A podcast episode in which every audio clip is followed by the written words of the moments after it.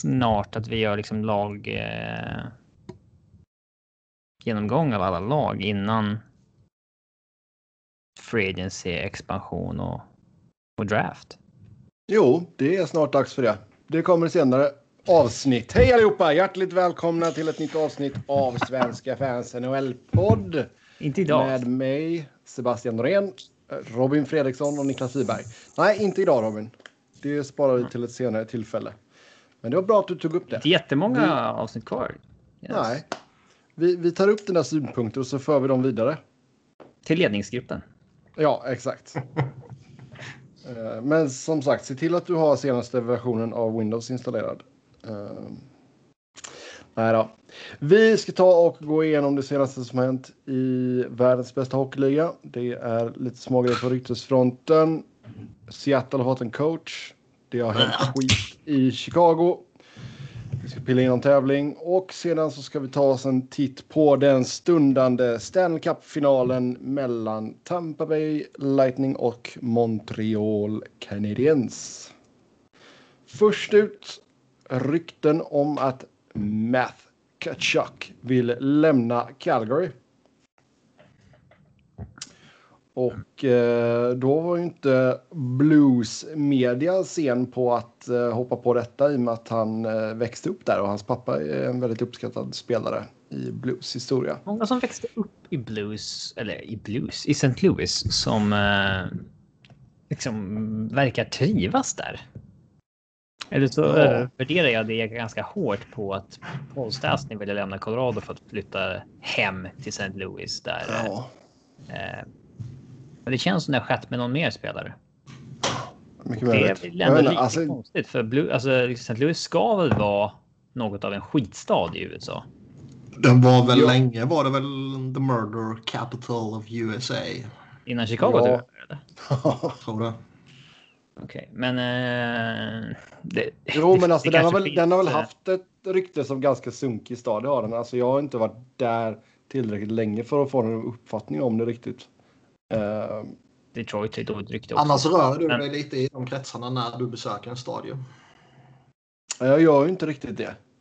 Speciellt inte när jag var där och det liksom bara var Stanley Cup-finalfest och alla var glada, goa och glada. Liksom. Gloria, Gloria. Men uh, det var ju inte så att personal, ja, personalen på hotellet sa ju i och för sig att vi inte skulle gå från arenan till hotellet.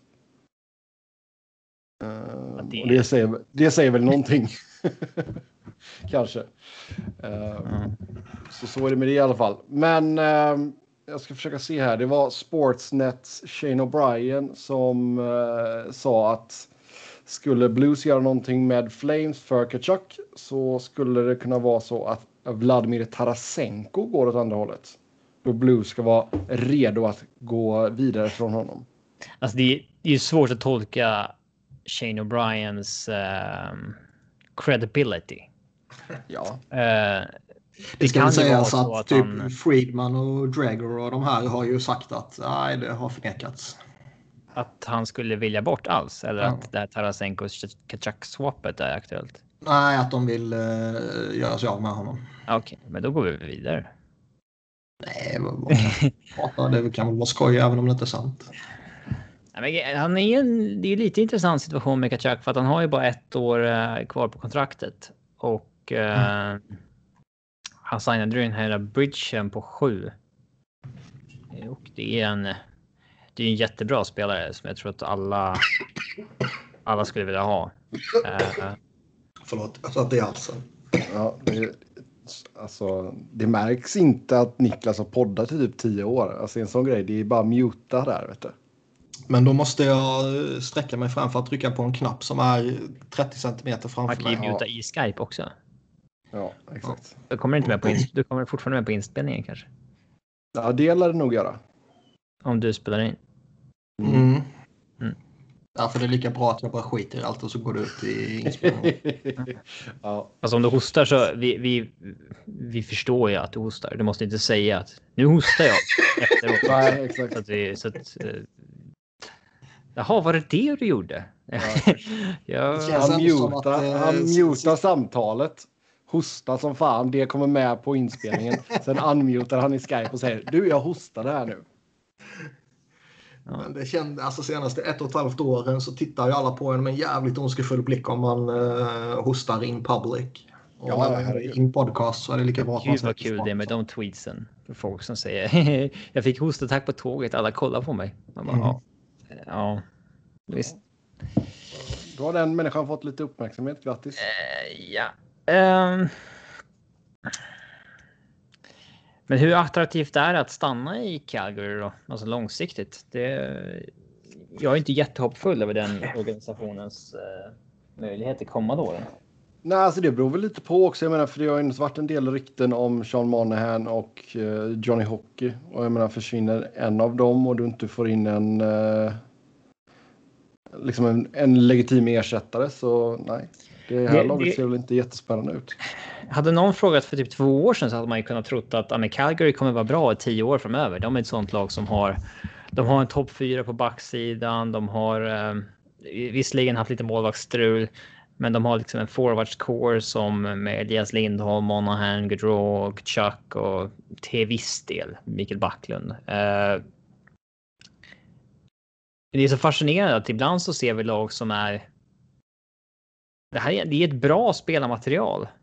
Mm. Men att de är dåliga. Ibland så ser vi lag som egentligen har ett lika bra spelarmaterial, men de är, kan vara bra i tre år. Medan som ett som ja, har liknande material, men är dåliga i tre år. Och alla bara accepterar att det är ungefär rimligt.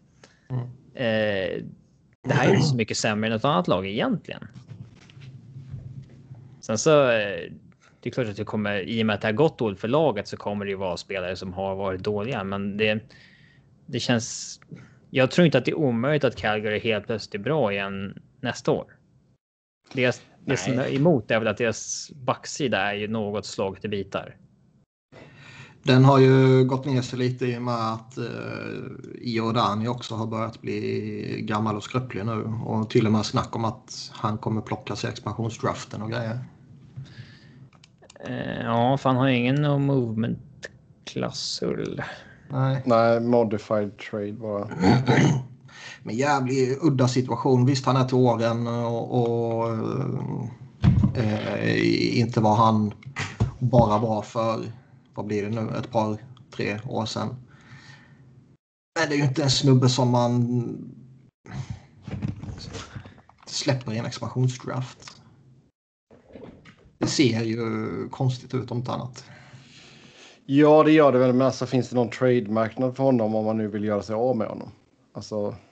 Det är ju mer hedersamt än uh, dumpa honom i expansionsdraften. Det är klart som fan det skulle finnas en uh, god trade-marknad för honom. Mm, tror jag. Det tror jag med. Ett år kvar. Det är ju inte... Det, det, är ju det är ju en hel del som tycker att Calgary och eh, Philly är bra trade partners. För att båda två vill typ skaka om lite i sin core och har misslyckats lite med lite förväntningar på sig och sådär. Lite? Eh, ja.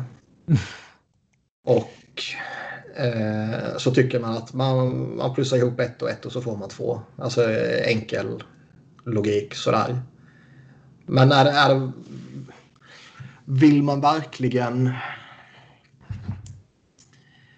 försöka åtgärda ett problem med eh, ett lag som är bra på pappret. Som har underpresterat på isen, om man nu tycker att det är så. Genom att ta in spelare som har varit i en exakt lika situation i ett annat lag. Och hoppas att det ska reparera någonting. Ja, det, det känns ju... Ofta, det ser vi väl ganska ofta just det att man försöker ge en ny chans i eh, ett miljöombyte. Det kan göra mycket. Jo, jag menar, skulle eh, Matt Fachak vara tillgänglig så skulle jag ju ta in honom med glädje. Eh, skulle han spelat i typ New Jersey, Boston, Pittsburgh, Caps eller något sånt där så skulle man ju hata honom något sånt jävligt. Men nu möter man honom knappt i och med att han är i Calgary och uh, har ju ingen egentlig relation till honom heller. Nej, Nej men alltså han är alltså, absolut han är lite av en, lite av en uh, agitator och, och har lite power forward liksom, spel i sig och sådär. Så det är, som du säger, det är en spelare som man gärna hade haft i sitt egna lag men som man hatar att möta. Liksom. Det... Sen får man ju lite sådana där uh, vibbar att, uh, vad fan. När det kommer allt det här snacket om att han ska typ ha blivit kränkt när hans lagkamrater efter några jävla bråk tidigare under säsongen uh, sa åt honom att fan du kan inte hålla på sådär varenda jävla kväll och förvänta dig att vi ska backa upp dig varenda dag. Nej. Och så blev han lite kränkt på det. Så, så, eh, det känns som en... Uh... Känns lite barnsligt. uh, ja. Uh... Och visst, han är bara 23 bast. Det så. kan man ju växa ifrån. Ja. ja, men vissa spelare tror ju att de... Alltså de tror att vilken skit jag än gör så är det liksom... Jag har nytta för laget på något sätt. För att de tolkar sitt stökande och sitt liksom... Ja, som att det är någonting positivt hela tiden. Eh, vilket det inte är. Mm. Mm. Nej, men alltså Calgary, de blir intressanta att följa här ifall de kommer skaka upp någonting och trada någon av de stora där då. Det var ju någon, jag minns inte riktigt vem det var, kan ha varit LeBron, jag får det var någon av de stora i alla fall, som nämnde att Calgary var inne på um, eh, Josh Anderson när han lämnade när han lämnade Columbus. Ja. Och att Sean Monahan skulle varit en del av det utbytet i så fall. Sådär ja. Vilket eh, känns udda. Ja, det hade ju varit jäkligt fint för Columbus ifall man hade kunnat lösa det. Eh, ja, Sen vet man, visst skulle de fått Monahan då kanske de skulle fått plussa på. men fan vet? Det tycker väl jag är rimligt men det kanske inte The Hockeymän tycker. jo men det, det borde väl ha varit. Uh, sen är frågan vad det plusset skulle vara. Men det, oh, ja, det hade varit en mycket, mycket bättre deal bero, ja, beroende på vad det här plusset hade varit då för Columbus. För jag tycker inte, de har inte gjort många glada liksom. Um, mm. Ja, eh, men just alltså den här lilla bollen där, eller brasklappen eh, och Brian-grejen där med Tarasenko. Alltså han har ändå haft tre operationer nu på, eh, på sin axel. Ja, det avskräcker. Eh, han var jävligt spännande för några år sedan, tycker jag. Mm. Men nu är det... Han är ju han är ju... Det där, man kan ju vända det både emot honom och för honom, men han har aldrig varit någon snabb spelare heller. Eh, mm. Tappar han liksom lite så power i skott och i fysik så är inte det bra. Men sen Nej, kan man ju vända det till hans fördel att eh, han aldrig varit en spelare som har liksom litat på någon snabbhet. Nej, men han har ju varit eh, kraftfull som sagt innan. Ja. Visst och tappar han. Ja. Så den, ja, den är lite jobbig. Han kliver ju in, han har ju ett år kvar efter kommande säsong på 7,5. Så visst, ja, vi får se vad som händer. För det, det är kanske lite, lite stor chansning att ta honom med två år kvar. Är han penning UFA så mm. kan man ju gambla lite mer kanske. Det kommer ju vara svårt att uh, typ om man snackar Jordan eller snackar Tarasenko de här att uh, jo men retainar man lite så är det nog en bra deal. Men det är ingen som kommer vilja retaina på någon nu. Alltså, Nej. alla måste ju cleara cap. Uh, det, det, är inte så jävla lätt. Mm. Verkligen inte. Mm. Sen eh, Frank Saravalli på, som numera är på Daily Face-Off. Uh, förvånad man blev där. Udda flytt ja. Han, han, skrev ju när han hoppade av TSN att det var hans beslut, men det fattar man att det inte var. Det var väl liksom, ja du kan få vara kvar men inte till samma lön eller till samma roll eller så här. Och då, ja men då hoppar jag, jag av och så jag, jag säger han, Jag tror han har typ bott kvar i Philly och sådär. Så det kanske är lite omständigt ändå. Ja, kanske. Men eh, jag trodde ja. ju Daily Face-Off var liksom en sida där som typ en 19-åring uppdaterar en gång i veckan bara med senaste line-upsen och målvakterna. Alltså, jag trodde inte de kunde rekrytera en Frank Saravelli. Han är president i uh, Professional Hockey Writers Association. Mm. mm. Då uh, då är man ju någon ändå. Oh ja. Ja, ja absolut. Nej, nej, det är en bra get för dem, absolut. Men han kom i alla fall ut med nyheterna om att Sharks eh, tittar sig omkring för att eh, kanske Han är på fortfarande Evander. typ 25 eller någonting. Så Nej, han är född 88 så att han är Ja, 20 jag vet. 33 nu. Men han har ju sett Han ut sådär i åtta år. Ja. Så, så, och då var han ju 25. Plus att han är lite halvtjock och sådär. Så att han, är, han ser verkligen ut att vara liksom 50 plus. 33. Mm. Ja, att han var yngre än mig, det kunde jag inte tro. Eh, ja, Men i vilket fall som där. helst. Ja, så han eh, rapporterar då att Sharks kan titta sig omkring för att trada Evander Kane på grund av locker room issues. En annan grej med Frank Saravelli. Uh, nej, jag skojar. um, Ehm, Mm. Ja, och då uh, följde ju sjhockeynow.coms Chen Peng upp och eh, kollade Chen med en... hette han så? Jag tror det. Jag tror han heter Cheng Peng. Ja, Är det kontroversiellt att skämta om det namnet? det är det nog. Ehm, Då gör vi inte det. nej, det gör vi inte. Han kollade med en eh, NHL Executive som eh, sa att inte kommer vara en enkel affär att göra för San Jose. Kane har ju som sagt eh, lite trubbel i sidan av här. Det är ju en bred eh, kategori, NHL Executive. Ja, De säger att det inte kommer vara en lätt affär. Nej, det kommer inte. Eh, nej. Det hade jag också kunnat säga Sebbe. Eh, Ja, exakt. exakt. men- säger. Man ska komma ihåg dock att han var ju, han var ju Sharks bästa spelare i år. Han gör ju en jävla monstersäsong med tanke på vilka problem han, man ändå tycker att han måste ha utanför planen. Eller Mm. isen. Ja, För er som inte vet vad jag snackar om så har han gått till personlig konkurs. Han är skyldig typ Ja. 400 miljoner eller någonting. blivit stämd av kasinon i Vegas och lite allt möjligt. Ja. Ehm, nej, nej, men visst. Men alltså det har ju så varit en följetong att det har varit lite struligt vid sidan av liksom. Um, sen att han, han har ju producerat för, för Sharks, det har han ju. Ja, Det- och eh, det är fortfarande ett lag som borde kunna vara bra. Jag hajar inte att de går så jävla dåligt. Nej. Visst, de eh, har Martin Jones i mål, men det gick ju bra med honom förut. Bara sänker hela laget. Men det är ju alltså deras bästa spelare har ju inte varit bäst. Ibland Nej, är det ju så eh, enkelt. När de hade sista åren med liksom Marley Thornton i liksom tredje liner så här, då. De hade ju när de tog in Gustav Nyqvist så han hade i princip han i en fjärde line med Donskoj. Mm. Eh, Det var eh, jäkla... och Timo Miners, Timo Meyer signade ju det här... eh, Ja, li- lite längre bridge deal för att hålla Sharks competitive under den här... eh, De här åren. Det ska man se varför man aldrig ska ta någon form av discount för lagets skull.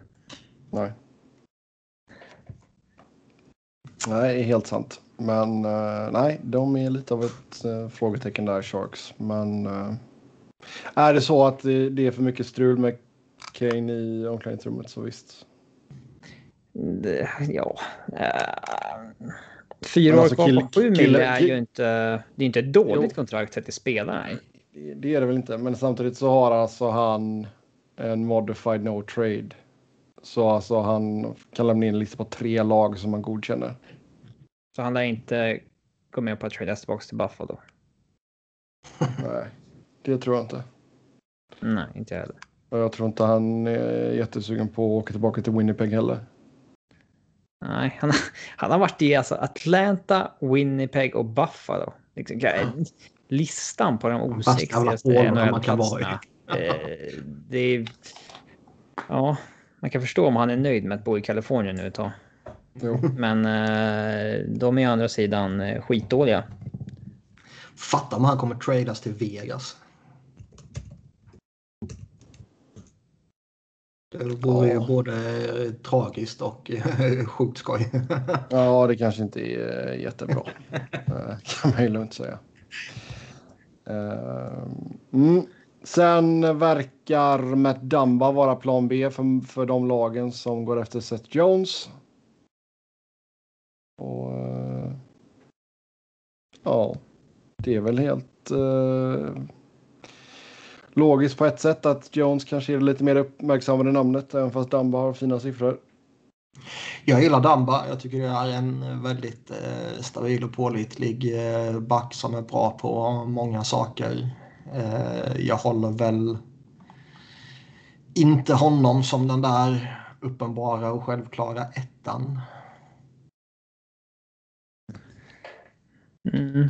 Han är kanske mer än eh, någon snubbe som ja, om vi tar Flyers som ett exempel så är det väl snubben som man sätter in jämte Ivan Provorov om man tycker att Ivan Provorov var den där uppenbara självklara ettan. Som man kanske trodde att han skulle bli men som man kanske nu tror att han inte kommer bli. Svårt att säga vilka backar som uh, skulle passa ihop och inte, men. Uh, uh, ja, han är väl lite du tar väl inte in honom som din nya etta liksom att du om, men visst, han skulle väl förbättra vilken backsida som helst. Det skulle han ju. Absolut. Ja. Men om man tänker sig den här eh, klassiska ettan, där är han ju inte. Nej, vad nu det är nu för tiden. Um... Ja. Ja, även om man tar det i en modern tappning eller om man tar det i ett mer historiskt perspektiv så skulle jag inte sätta upp honom som den där första backen som man går efter för att göra en förändring som lyfter dig till ordnade nivåer. Mm. Mm. Uh, sen kan vi väl ta en sista här då. Då är det media i Edmonton som uh, undrar ifall Edmonton... Sebbe bara freestylar med de här senaste grejerna nu. Ja, exakt. Edmonton kanske kommer att kick the tires som man säger. Eh, på Oliver Ekman Larsson. Uh, I och med att man har Dave Tippett där då som coach som uh, när han var i Arizona så var ju en så. Det var ju det då Oliver hade sina en... bästa säsonger. Det känns ju som att någon spekulerar i det för att Dave Tippett är där.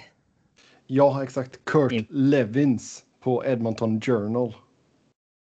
De kan väl inte ha utrymmet? Nej, jag tror inte att Arizona skulle jo, retaina de, så pass mycket heller. De har ju en... Eh, det här är egentligen första sommaren som eh, Ken Holm kan sätta sina fingeravtryck på det här laget i och med att de har 20 millar cap space.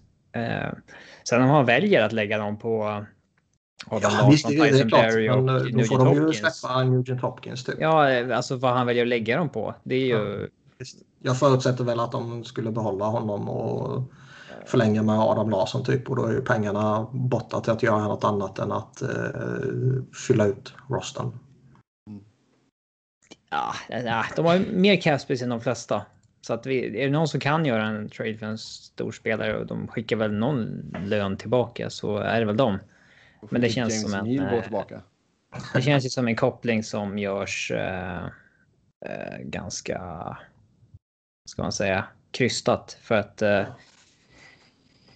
men alltså, är, tror ni att om vi spekulerar fritt här nu, tror ni att ägarna i Arizona är så pass desperata att bli av med den löneposten som det ändå så är?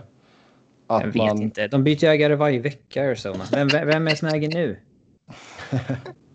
Ingen vet. men alltså, går, går, man med på att retaina lite då och sen skickar James Neal plus något draftval plus något prospect liksom? Nej, då är... Bara då, för att bli av med lönen? Då käkar man ju fortfarande lika mycket lön men äter, har sämre spelare bara. Alltså, du kan, du, kan du, garantera du har två år kvar med James Neal. Du kan garantera att hitta en bättre trade och inte behöva käka två år med James Neal. Ja, det var Sen är det upp till vad han... Retaina på... Ja, men han måste med i dealen för att de måste skicka lön och... Ja, det, det, det, kan väl gå, men du måste ju ha någonting de måste få någonting bra för Ekman Larsson också. Annars så... Mikko Koskinen. Det är inte en liksom... Det är inte en klappusel spelare liksom. Så att... Eh, ja. På tal om löneutrymme så har ju Detroit 48 millar. Äntligen har alla eh, dåliga kontrakt gått ut där i princip.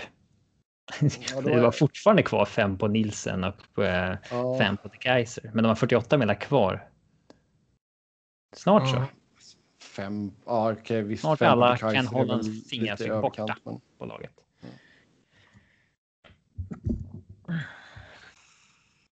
Mm.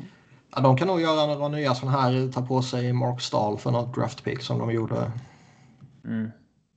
Att de beslöt sig för att köpa ut Abdicator ändå. Det behövdes ju inte längre. Nej, men det kanske var en viktig signal att skicka att eh, nu är det officiellt. Nu uh, kapar vi allt det här skiten. Han hade ju liksom alltså en säsong där han gör 49 matcher och noll mål året innan. Mm. Kommer kom du ihåg vad... eh, Kommer du ihåg vad Ken Holland sa när han fick frågan om varför signade du det här kontraktet med Abdicator? Nej. Nej. Eh, eh, han sa eh, Big 20 goal scorers are hard to find. Abdicator har gjort 20 mål en gång på 13 år. Så att, eh, ja, uppenbarligen är det Ja. svårt att hitta. Ja, yes. Så var det med det med ryktena i alla fall. Eh, vi går över till Seattle och där så utnämnde Kraken Dave Hackstall som sin första head coach i klubbens historia. Jag vill vara Ehm. den första som gratulerar Seattle till eh, Stanley Cup-serien säsongen 21-22. Så, eh, Så man ska nog akta sig ju för att garva för mycket som Philly-fan. För att... Ja, vi Jag har ju gratulerat dem till kuppen precis. Ja. Vi såg ju vad som hände med Craig Berube. Eh, och det är många coacher som Philly har run out of town som har visat sig vara jäkligt bra coacher efter det. Eh, Ja, vad har vi? Vi har John Stevens som väl visserligen bara har varit eh, head coach eh, korta sessioner. nej, men, Men eh, ändå väldigt en, uppskattad as coach. han var ju extremt uppskattad as coach i Flyers också. Men Ja. eh, klivet upp till head coach var väl kanske eh, fel på något sätt. Och det kan nog ligga något i det här att det kanske är riskabelt att gå från as coach till head coach i samma lag. Mm. Mm. Oh, ja. Eh, Men eh, detta var ju ett namn som inte riktigt var med eh, liksom i snacket. Eh, liksom det som vi öppet pratades om. Alltså det var ju mycket tocket, tocket, tocket där liksom. Mm. Fast Freeman Det- sa ju hela tiden att det är väldigt mycket tocket och sen är det en snubbe till som någon mystery dude som jag inte kan skaka fram namnet på och det bör ju ha varit eh, Hackstollen då. Ja, han var the mystery dude. Kom han, kom han i eh, Tre Kronor eh, sin sån träningsjacka på... Eh, Han har ju skaffat ett eh, goatee nu är det. ja, ja, visst. Alltså Hans grejen är att Hans han- evil twin, David Hextall. det är ju... fan, han ser mycket bättre ut med goateet. Ja. Men det verkar ju som, baserat lite på vad man har läst och hört och snappat upp sådär, som att han faktiskt verkar ha gjort ett rätt okej jobb i Toronto som assisterande med ansvar för backarna, typ. Mm. Men att han får ett nytt headcoach-jobb baserat på vad han gjorde i Philly är ju fan obegripligt. Nah. Jo, Det gick ju okej i Philly, men det lyfte ju inte. Men det gick ju okej. Det var Eh. så, visst det kanske, tittar man på det lite utifrån sådär så kanske man har intrycket av att det gick okej men det lyfte inte. Har man följt det dagligen i de fyra åren eller vad det var som han körde så är det ju absurt. Du, du kommer inte... Alla coacher gör ju konstiga saker. Det, det Alla inte- coacher gör konstiga saker men det är... Eh, Det förvånar mig att han har lyckats hålla sig eh, kvar i liksom NHL-bubblan. För han kom ju helt från NCAA. Hade aldrig varit i en NHL-organisation när han fick Philly-jobbet. Och sen eh, tog ett ASS-jobb och nu är tillbaka som headcoach. Att han har hållit sig kvar i NHL-miljön gör väl att han har gjort, gjort, ja, han skapat sig många vänner snabbt. Liksom. Eh, och eh, Han, eh, han körde ju Team Canada i något VM där Ron Francis var eh, GM också. Så de har ju någon relation sedan tidigare också. Ja, de hade ju klickat under någon uh, bilresa i Tjeckien eller vad det nu var. En De har-. Hackstall hade slängt in en bra mixtape och sen så, så blev det en bromance efter det liksom. Men alltså. Det har pratats Men alltså jag, jag känner ju så här. Ja. Det har pratats jättemycket om att Seattle har satt ihop ett, eh, ett jävligt starkt analytics-gäng och eh, samlat väldigt många fina nördar där uppe. Och att det kommer ge dem en, eh, ett övertag typ, eller en fördel på något sätt. Och de har ju en tjej från Philly, Namita, som jag tycker har eh, varit eh, väldigt duktig när hon har ja, följer henne på Twitter och sådana grejer. Och sunda åsikter och bra på sådär och jobbat för Philadelphia Eagles bland annat. Ron Francis nyss lyssnar ju garanterat inte på dem och henne. Nej, eh, för Hackstall har väl inte varit så populär som coach i Analytics-communityt, va? Mm. Men Alltså det här, enda- han hade enkelt förklarat Philly-åren det var att eh, försök få pucken till backarna på blålinjen så fort som möjligt och så skjuter vi. Eh, som Åh, typ hej. offensiv taktik. Och det är ju... bra för Ghost. Bra för Ghost, desto sämre för eh, Hägg, McDonald, Gudas och allt vad fan vi hade då. Desto sämre för Giroud. Ja. Eh, men här, det behöver heller inte vara fel att man... eh, jag tror inte att... eh, är man coach på college i liksom 15 år eller vad han var och sen får man ett NHL headcoach-jobb som man kör tre och ett halvt år, får kicken, assisterande i två år och sen så får man en ny chans. Jag tror ju inte att det är liksom exakt samma stuk som kommer tillbaka. Man bör ha lärt sig någonting från liksom vad man gjorde eventuellt fel eller rätt sin första headcoach-vända. Eh, University of North Dakota blev bra så fort han lämnade efter att ha varit där i 15 år eller någonting. ja, det finns ju vissa av de här college coacherna som håller sig i sina jobb eh, sjukt länge. Eh, men Jag håller med i det du säger givetvis. Det finns absolut så att man, man kan komma in i ligan, man kan bli lite överväldigande, man lär sig av sina misstag och gudarna ska veta att jävlar vad misstag han gjorde i Philly. Eh, kollar vi på alla bra coacher idag så har ju alla har ju fått sparken ett par gånger. Ja, Så, eh, så är det ju. Och, och man, kan, man, kan, man kan absolut argumentera med, eh, vad heter det, mm, med fog att han inte hade det bästa att jobba med och inte fick bästa möjliga situationen i Philly. Eh, så det, det kan ha varit en tuff situation, absolut. Men han gjorde ju sitt för att situationen skulle bli sämre eller fortfarande vara usel också. Mm. Så typ Andrew McDonald i första paret liksom. Vägrar peta Chris van der Velde trots att han är helt värdelös eh, förrän i den 82 matchen på säsong liksom. Och eh, sista matchen innan han fick kicken så scratchade han ju Oskar Lindblom för Jori Lehtera. Och liksom det är den kullen han var redo att dö på. Och bla bla bla bla. Det har ju visat sig i efterhand att Pierre-Edouard Bellemare har ju faktiskt varit en, en tämligen användbar spelare i en fjärde kedja kanske bottom six sådär.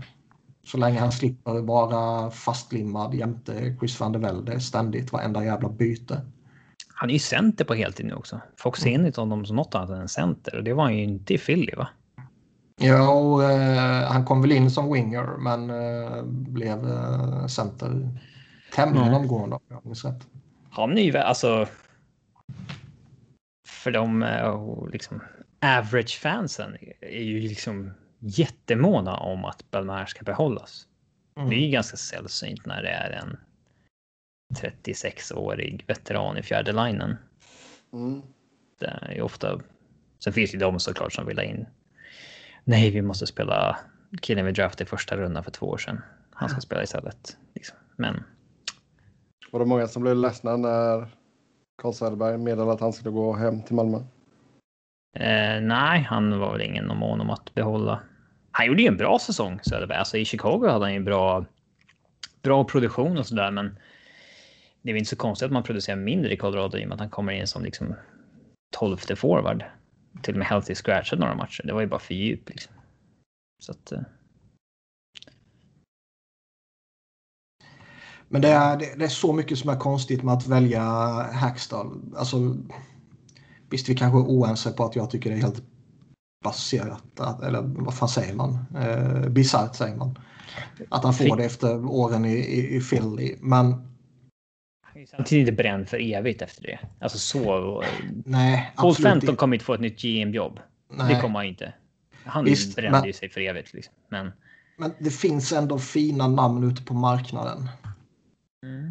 Det, det känns ju som att... en äh... Bourgeois där ute och det finns fortfarande en Claude Julien även om han kanske är... Eh, eh, man får kanske känslan av att han kanske vill ta, eh, vad heter det, sabbatsår. Galant var tillgänglig jättelänge. Sen kanske man förstår att han väljer Rangers istället för Seattle. Men Seattle hade ju bra jävla lång tid på sig att knyta upp en riktigt bra headcoach och så väljer man Dave Hackstall.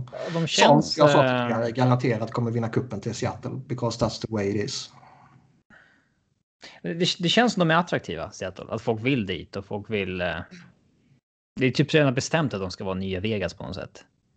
Att... Mm. Eh, det är ju farligt om alltså, det har blivit ribban nu också.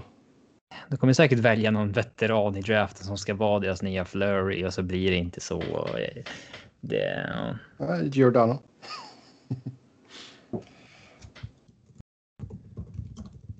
Men eh, en intressant eh, sidospår mm. nu när de har honom på plats är ju hur Seattle kommer agera i expansionsdraften gentemot Philly. Det är klart du tycker det. Ja, det är klart jag tycker det. Det är klart du tycker det. För, vi, för det känns som att man har lagt väldigt mycket av sina eh, kort på att eh, Seattle typ ska ta en av JVR eller Voracek för att man behöver skaka fram det där löneutrymmet för att kunna göra andra grejer. Mm. Eh, det har väl funnits någon form av sån här, ja men de kanske inte kan ta Ghost, det finns någonting i honom sådär. Men eh, visst, nu hade Ghost några av sina bästa år under Dave Hackstall och som vi pratade om tidigare, den här offensiva taktiken att typ bara låta backarna ta skott från blålinjen gynnade honom och så vidare. Men det rapporterades ju också om att eh, Hackstall och gänget försökte göra om Ghost till typ Robert Hägg. Och när han till slut tröttnade så bara sa han fuck it, nu slutar jag lyssna på folk, nu kör jag mitt eget race. Mm. Um, de kommer ju typ plocka Hägg i expansionsdraften. Nej.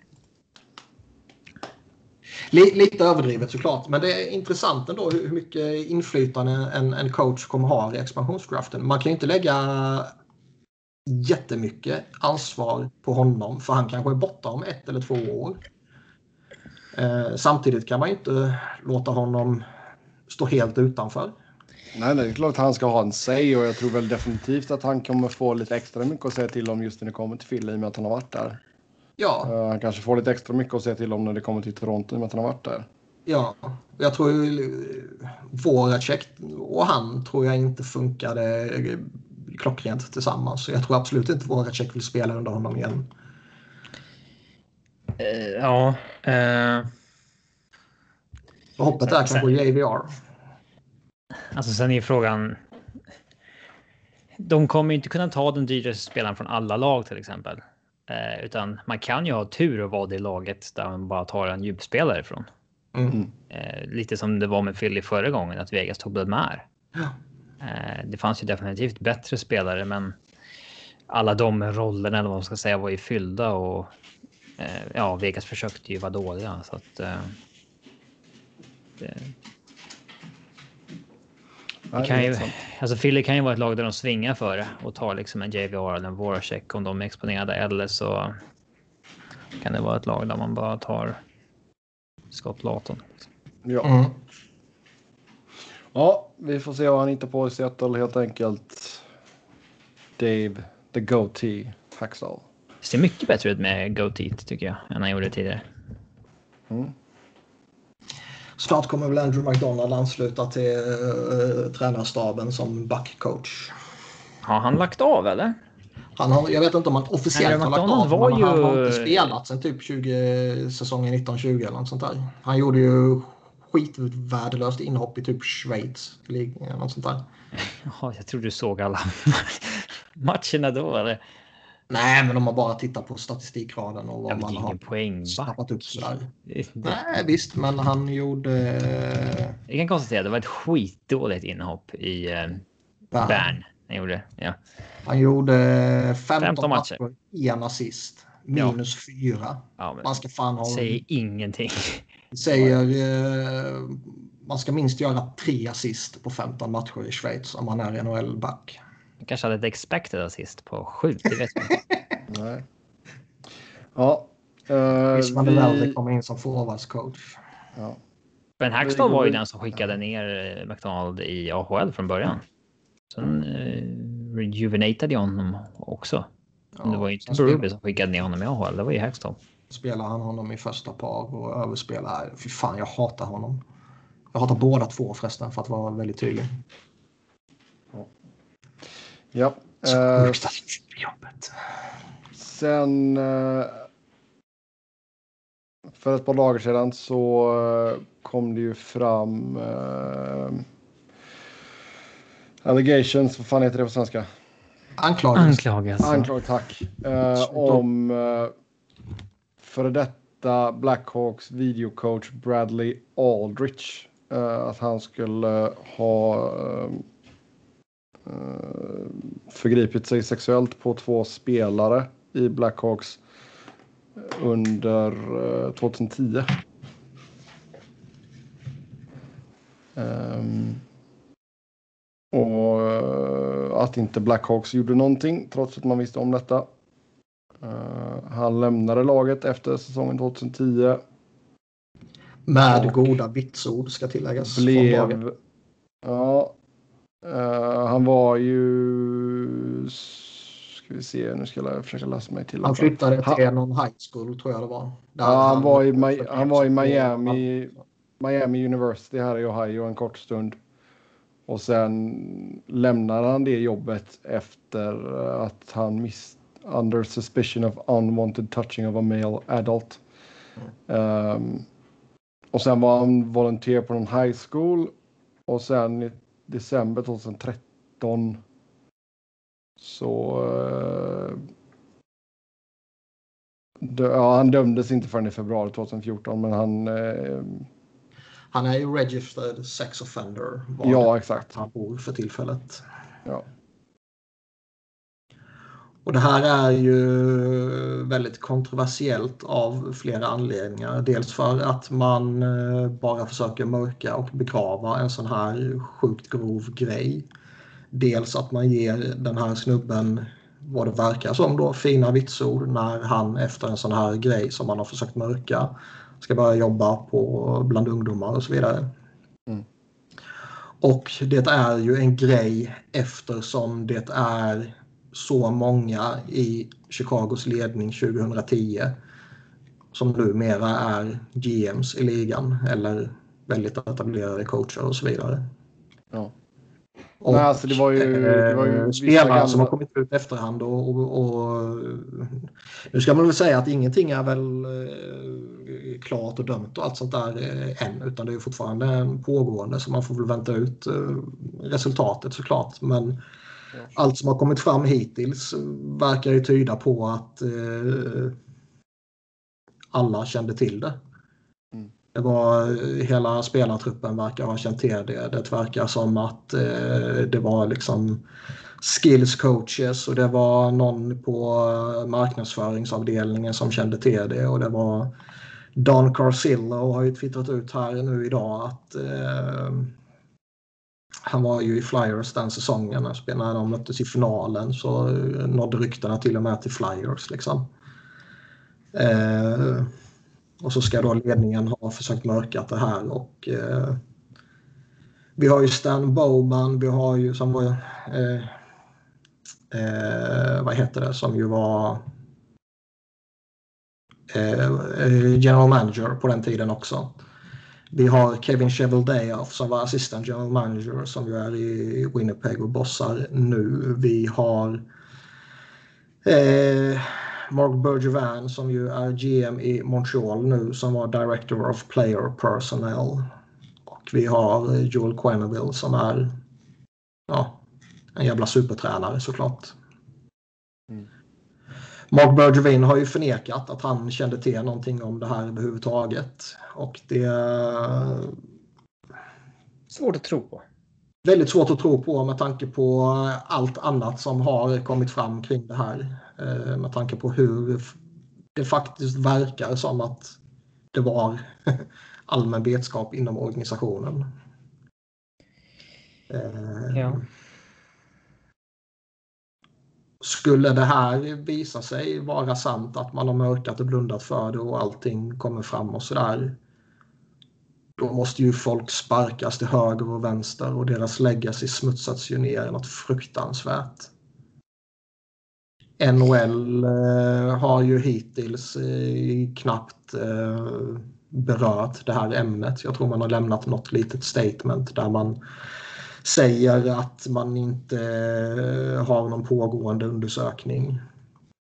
Och det kan absolut finnas en, en situation där, där ligan givetvis kanske eh, måste eller väljer att bara vänta ut eh, de rättsliga åtgärderna innan man gör någonting. Men det, vi, vi pratade lite innan vi spelade in här också, det, eller om vi sa det under podden till och med. Det är märkligt det här att jättemånga av de allra mest etablerade journalisterna har inte sagt ett pip om det här. Ja, det är liksom, en sjukt stor story. Liksom. Ja, det är Stanley Cup-finalen börjar på måndag och det är ändå det här som är den absolut största grejen i hela jävla NHL.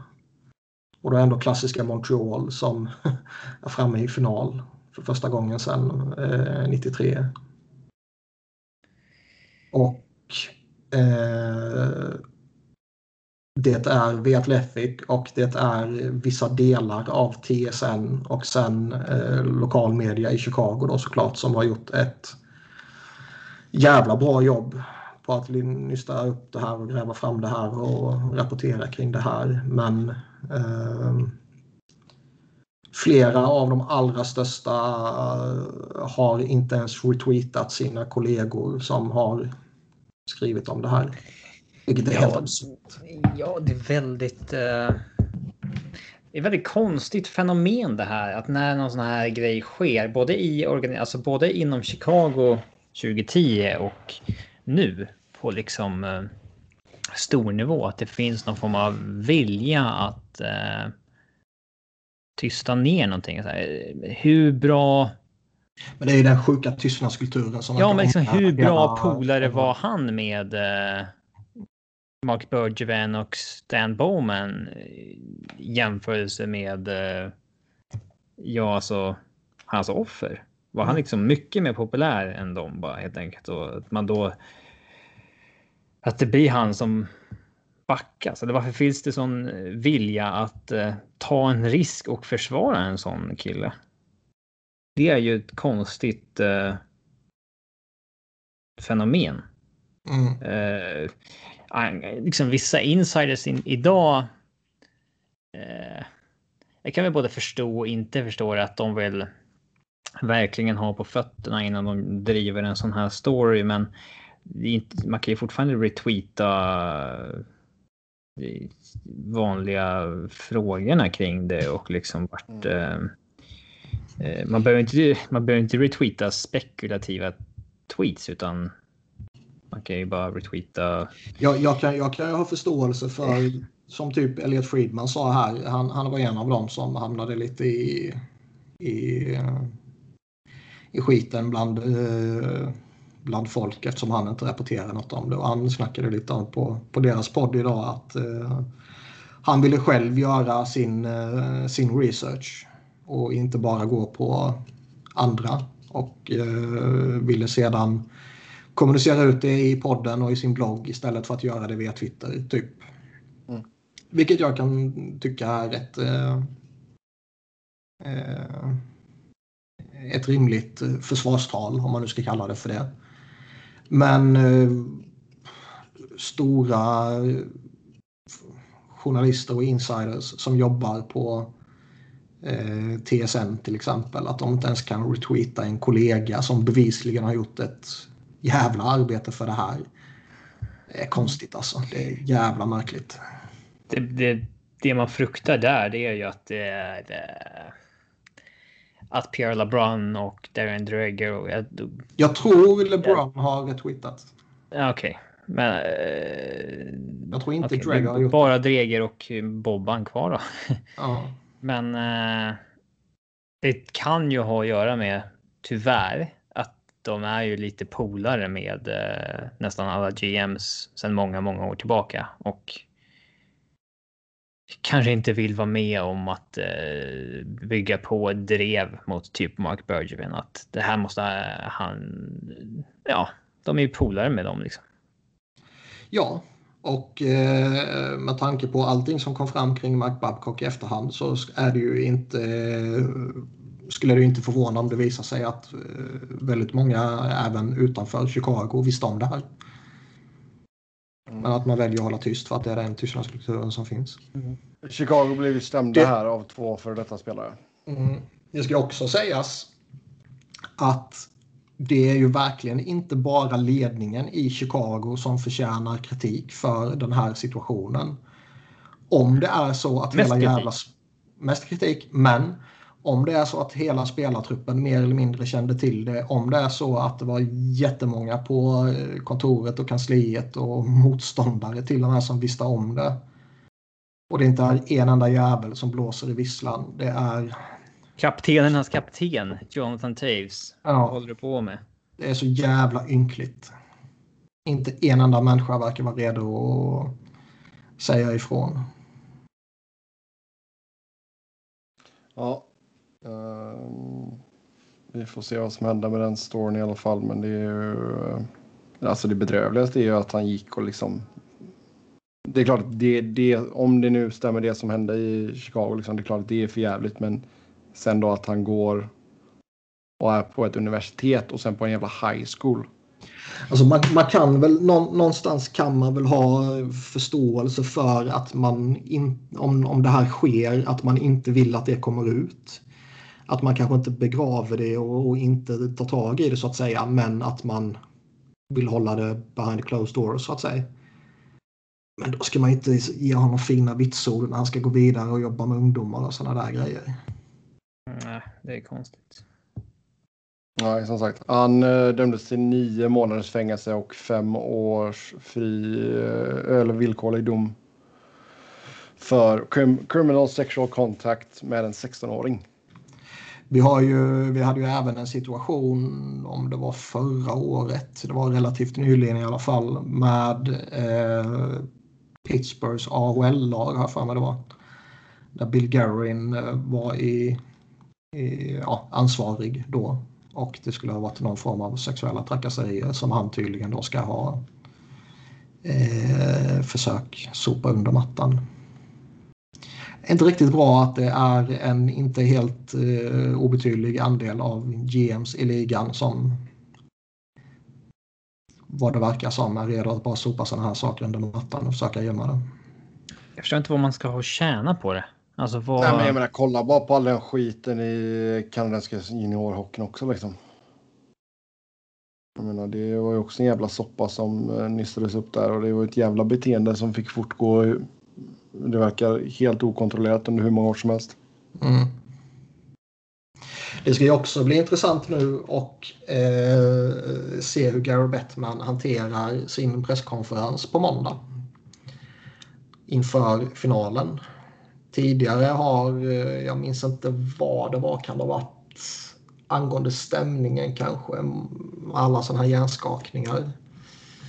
Det var någonting i alla fall när han fick någon, någon annan sån här eh, kontrovers som hade blossat upp i samband med finalen och så slätar han bara över den genom typ säga att nej, jag, jag kommer inte svara på något om det. Jag vill inte skapa en, en ny nyhetscykel typ nu när det är final. Det kan ju inte finnas en chans i helvete att han inte kommer få massvis av frågor kring det här på sin presskonferens. Man kan ju förstå att Mark Bergerman inte vill prata om det här. Framförallt inte nu. Där det är liksom äntligen finaldags i Montreal och så vidare. Men eh, ja, har man sopat under mattan i tio år så får man ju fejsa det den dagen det kommer upp helt enkelt. Det är inte mer med det. Oavsett om det är, en, om det är på julafton eller på midsommar. Ja. Och visar det sig att allt är sant och han har varit delaktig i att eh, sopa skiten under mattan så förtjänar han verkligen att få de här veckorna förstörda. Verkligen. Ja, eh, som sagt vi får följa den här storyn och se vart det, vart det slutar helt enkelt. Eh, innan vi går in på slutspelet ska vi ta en tävling kanske? Ja, för fan. Vad har du för tävling? Ja, är det någon som har någonting i bakfickan eller? Som inte är typ en miljard frågor. för som sagt, du får inte... Det sparas ju. Ja, den sparar vi till september. Uh, ja. Det är ingen som har något. Eh, ja, men det är väl klart vi kan krysta fram något ur ingenting. Eh, Ja. eh, du, du, du, du. Ska vi hitta en ny kategori? Mm.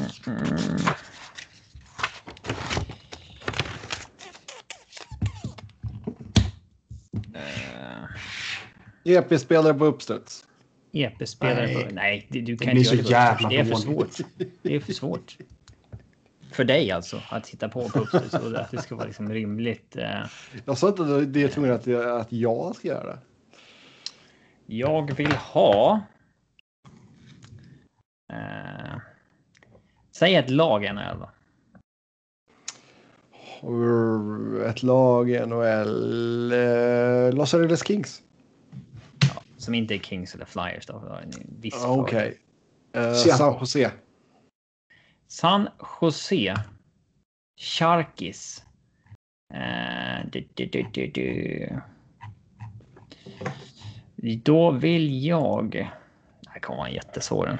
Uh, eh, eh, eh.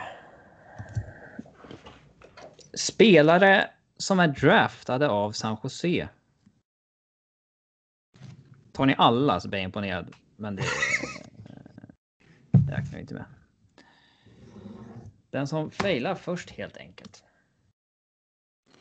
Ja. Eh, Tomas Hertel. Hurtle Power. Bekräftar draftad. Oj. Ett larm mitt i natten här. Tur att jag inte sov. Eh, Thomas Hertel är draftad av San Jose 2012. Åren går. Mm, verkligen. Couture säger jag.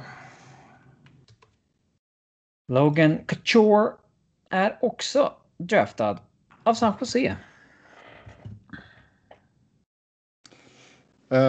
Pff, Timo Meyer. Honom pratade jag om förut. Timo Meyer är också draftad av San Jose. Har de mer i laget nu? Han är ju Patrick Malö.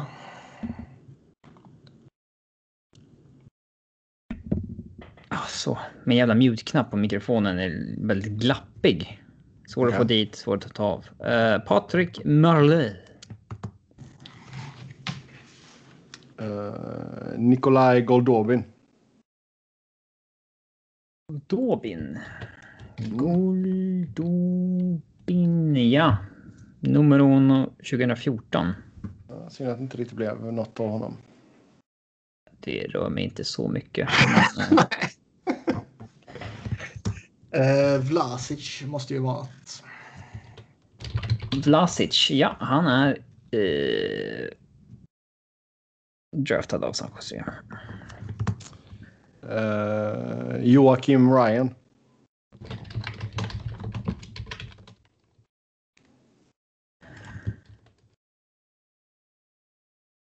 Ryans det finns. Joakim Ryan, ja. Eh, den sista man väl kommer på i laget nu är ju LeBanc. Han måste ju vara draftad. Eh, ja, sjätte rundan 2014. Bra stil. Ja, det är bra, bättre att bara ta de här givna först kanske. Joe Pavelski. Young Joe Pavelski. Sjunde rundan 2003. Vilket jävla fynd alltså. Mm. Men det säger en del om alltså, att det bara handlar om tur. De har, de har tre val i sjunde rundan. Först tar de Jonathan Tremblay. Låter det gå ett par val. Sen tar de Joe Pavelski. Mhm. Det är inte så att de trodde att... Hade de trott att Joe Pavelski skulle bli så bra hade de inte väntat till sjunde. Verkligen inte.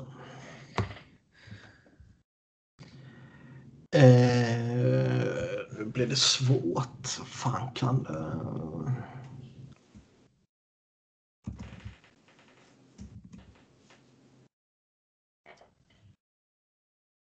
Har de... eh, Kanske svårare än man tror, men nio namn borde ni inte fastna på. Man kan tycka det, men här står vi. Ja, jag har några i bakfickan.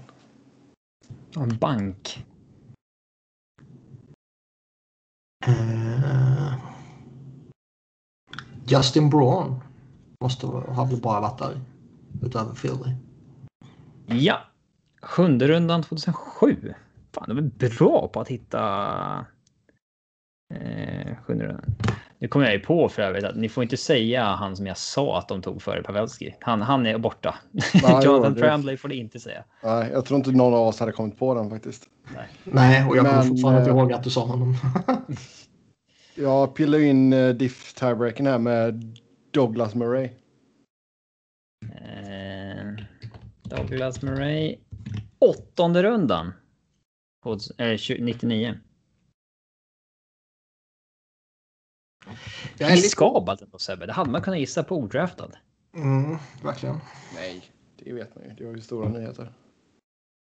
Jag är otroligt osäker på den här snubben. Men jag vill ändå slänga upp poddlegendaren Jonathan Chichichu. Han är med. Och då måste du dra storyn till varför han heter Chichichu.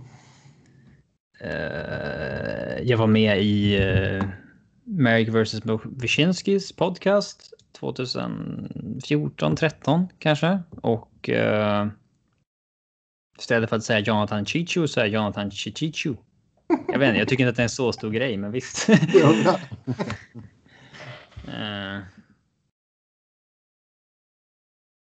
jag sa att han var, eh, att Fabian Brunström var eh, svensk hockeys Jonathan Chichu. Mhm.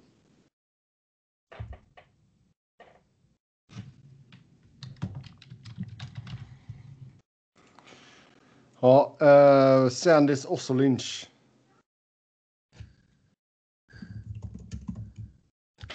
Eh, Ozo. Deras första draft, 91. Eh, yes, där gick han i andra rundan. Jag slänger upp Flyers legendaren som jag tror är Sharks pick, Mike Rathje. Mike vadå? Rathje. Eller hur fan man nu säger, jag har glömt det. Var så länge det. Third overall, 92. Tufft. Uh...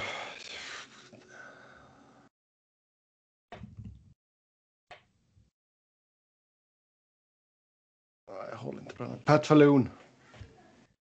Fat Palloon heter han. ja. Pat Falloon, yes. Alltså första val någonsin. Ja. Sitter du och kollar på eh, EP eller? Nej, det gör jag inte. Men lite knowledge har man ju. Om San Joses draft-historik. Ja. Det finns ju oerhört många namn kan jag säga. Nu när jag sitter och kollar listan som känns självklara när man ser dem. Såklart. Eh, Jag tror jag eh, är tämligen säker på en ny eh, diff eh, eh, kvittering i tiebreaken där. Ragge är väl ja. draftad. Yes. Marcus Ragnarsson. Femte rundan 92.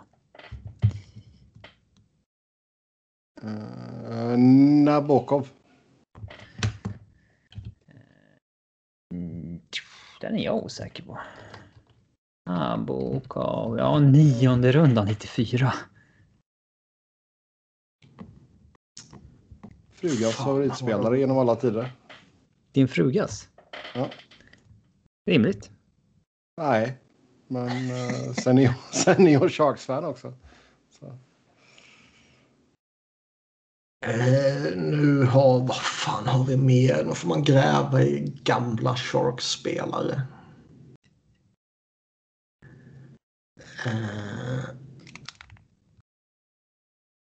ja, han... Eh, Matt Carl. Sagt med övertygelse. Matt Carl. Ja, Matt Carl. Andra rundan 2003.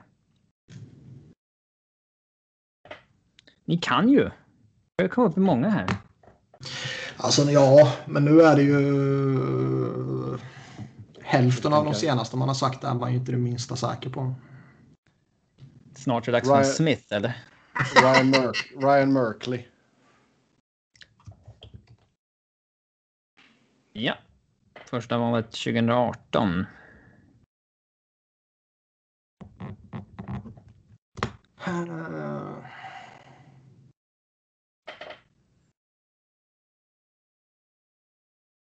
Någon färskt pick kommer jag fan inte på heller. Jo. Ehm, han heter så mycket som Josh Norris. Ja, Mr Norris.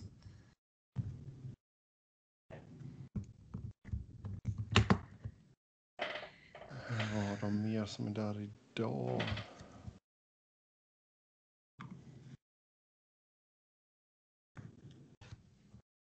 Han är inte där längre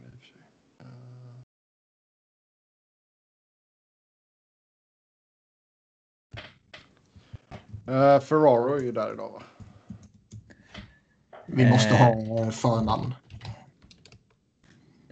Ja, det finns bara en Ferraro. Det få. Men... eh, Ja, vi måste ha förnamn, annars är det bara vad fan Det som finns helst. bara en. Det finns bara en. Så då kan du inte klaga. från 2017, ja. ja. Den, den har du väl ur minnet, kan jag tänka mig. Mario Ferraro.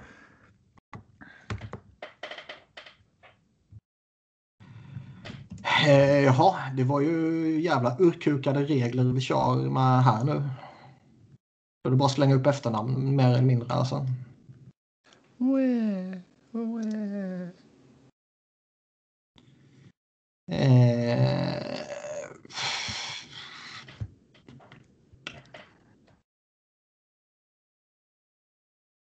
kommer man på... Eh, den andra snubben som var i Karlsson-traden, Chris Tierney. Tierney. Ja. Andra rundan 2012.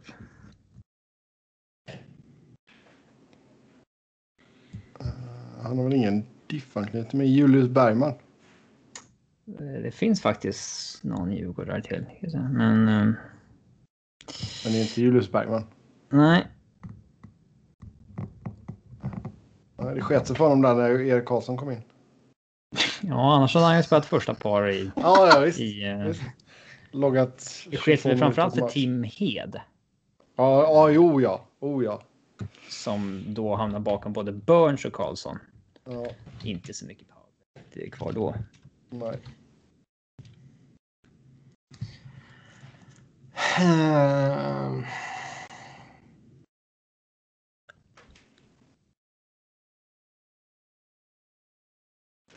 Var han draftad av dem? Tim Hed? Nej, det var inte. Därför jag känner mig trygg i att slänga ut det. Ja, då säger jag Smith då. Ska du verkligen säga Smith? Du kommer inte på någonting bättre. Nej. Snälla säg att det finns två så han måste ge ett eh, förnamn. Nej, vi sa inte något om det i reglerna. Alldeles uppenbart så räcker det med att bara slänga ut sig ett efternamn utan... Ja, när det fanns en ja. När det Nej, fanns en så funkar det. nej. Vad är reglerna här? Alltså vad... För det finns inga regler än- bevisligen. Är det, fler, är det fler än en så får du klämma fram ett förnamn. nej. Jo. Antingen acceptera om det fin- finns det en Smith eller? Det finns ju fler. Ja, exakt. Antingen så accepterar du Smith som rätt svar eftersom du gjorde Men det. då blir det ju så att eh, Eller du säger Smith och säger Sebbe det Smith så är vi tillbaka på Ja. nästa runda. Exakt. Det gör, kan vi göra då. Ja, det ju. Ja. Så kan du säga vilka de två smittarna var. Eh, Ryan Smith, 0 matcher. Ja, Och Mark Smith, 377 matcher. okej. Mm, Då sa jag Mark. Ja. Då får Niklas ta Ryan. Då. så är vi tillbaka till Eh, Niklas. Ja, finns det är ju en inte ens vanligaste Smith namnet. till? Nej, det fanns ju två. Då finns det säkert någon... ehm, det måste finnas en... Vad fan kan vi dra tema? Du har helt gett upp eh, kampen på riktiga spelare, eller? Ja, jag har grävt i... ehm, jag kommer inte på några nya prospects. Jag tror att vi har plockat alla på den nuvarande rostern som är liksom uppenbara.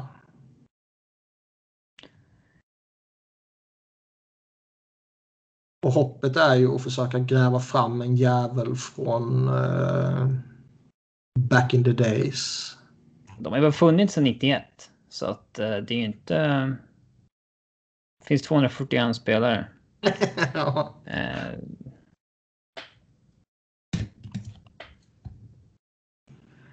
Eh. Brad Stewart. ja, Brad Stewart. Avs-legendaren. Ja,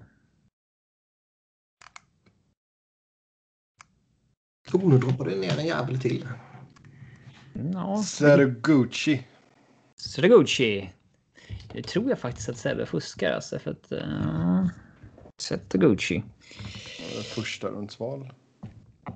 De ska man väl kunna hyfsat ändå. Du visste att han var i första också? Det är klart jag vet att han är första. Jag, kan, jag har ett namn till som jag vet gick i första rundan. Mm. Ja, men vad var det du kom på? Jag. Ja. Eh, Michalek. Eh, vilken av dem? Eh, Milan hette han väl?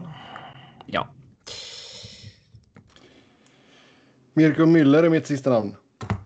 Ditt sista namn? Uff. Mm, Ja, Sen börja Müller är verkas. klart med. verkas fram. Du leder ju nu med ett så att Niklas måste...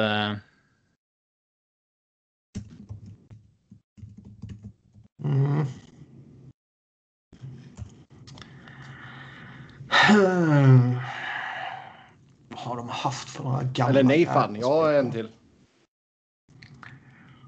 Finns det några gamla Flyers-spelare som har varit eller som kommer därifrån? Um,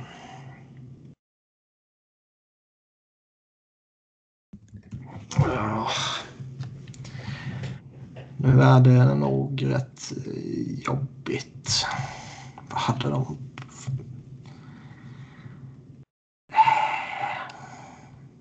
Ja. Utvägen är att slänga ut sig ett vanligt efternamn, men Mm.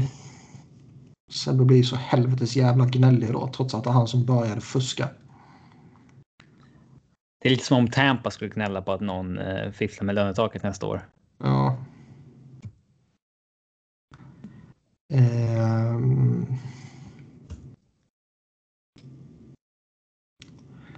Hade de på den tiden? De hade ju...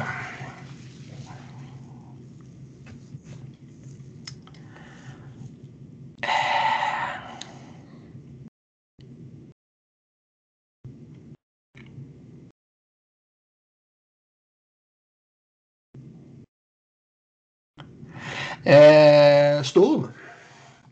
Stor. Sturm. Mirko. Nej, Marco. Styrm. Mm. Träklubba väldigt länge tror jag. Jonathan Lindqvist fakta kan man säga. Tämligen ointressant fakta om du frågar mig. Uh, Brynäs-legendaren Thomas Greisch. Jajamän. Krysta fram Thomas Greisch också. Tillbaka på eh, Niklas då. Imponerande hur, eh, alltså hur långt man kan komma på om man sitter och eh, tänker på det. Liksom. Det kändes ju ganska slut där kring 12-13 namn. Nu är vi uppe i 15-16. Det, det enda jag kommer på nu och som jag eh, är tämligen säker på att han absolut inte är draftad. Han måste ha haft eh, eh, kommit någon annanstans ifrån. Men jag får väl gå tillbaka till Joe Thornton-traden och slänga ur mig Wayne Primo. Men han måste, det måste vara fel. Men jag vill säga något namn istället för att bara ge upp i alla fall. Någon Wayne alls. Nej, eh, så den är fel. Hade du eh, kommit på något mer Sebbe? Du har redan vunnit, men Jag försöker tänka vad de tog i sin första draft. De, som att du har det i huvudet. nej, men jag tänker om det är någon given spelare där kanske. Nej, men eh, det ni känner till i närtid. Men oh, oh, oh, jo, jo, jo. Det är inte första draften, men Vesa Toskala. Ja, han gick i samma draft som Mika Kiprusoff till San Jose. Eh, sen har vi Matt Nieto, Dy- Dylan DeMello, Charlie Coyle är San Jose draftad. Tommy Wingles, Jason Demers, Nick Bonino. Också lite förvånande kanske. Jamie McGinn. Eh, men sen så tog ni ju liksom, ni krystade ju fram Sotiguchi de här till slut. Alex Stalock. Eh, de har en draftad kille som heter Lucia. Det är kul också. Den har man ju gissat på. Eh, ni tog Pavelski. Ni missar Christian Erhoff. Han är Orion Clow. Mark Salgosh. Hela 01-klassen. Kanske gjorde något annat än draftdagen. Eh, eh, den, den sista Djurgården var Mikael Samuelsson, men han är ju svårt att naila vem som draftar honom. Han har ju liksom varit eh, Han har varit överallt. Scott Hannan. Du. Ing, har vi något mer av värde? Eh, Jeff Kul att- eh, Friesen. Kul att man inte hade någon koll alls på deras draft eh, från i fjol. Viktor Koslov. Eh, Ja, jag tittar nu. De hade ju han... Ray Whitney är ju Ja. köpsdraftad. De tog ju Ozzy Wiesblatt. Det var ju lite uppståndelse kring honom med sista valet i första rundan. Men typ Young hade man ju kunnat bara slänga ur sig om man skulle bara slänga ur sig ett efternamn. Liksom. Om jag bara skulle slängt ut med ett namn, då, Ja. då tänker jag Johnson. Snarare än... Johnson var ju det jag funderade på att gissa på. Det är ju mycket vanligare än Smith egentligen. Ja, men Smith, det är ju för att det har blivit en grej. ju. fanns ingen Johnson, så det var väl tur det. Jaha. Eh, man trodde ju att Sebbe skulle ta de här eh, Linus Karlsson och eh, Irrelevanta jävla skit. ja, alltså svenskarna som han haft koll på sen dess. För att han har suttit och tittat vad som finns i systemet hela tiden. Patrik Zackrisson. Det fanns ju en tredje Smith. Tyson Sex Smith. Oj. 2007. Att det, han heter Sex Smith. Ja. Synd att han inte blev något. Ja. Många bra headlines där. Eh, ja. Pensionerad också. Synd.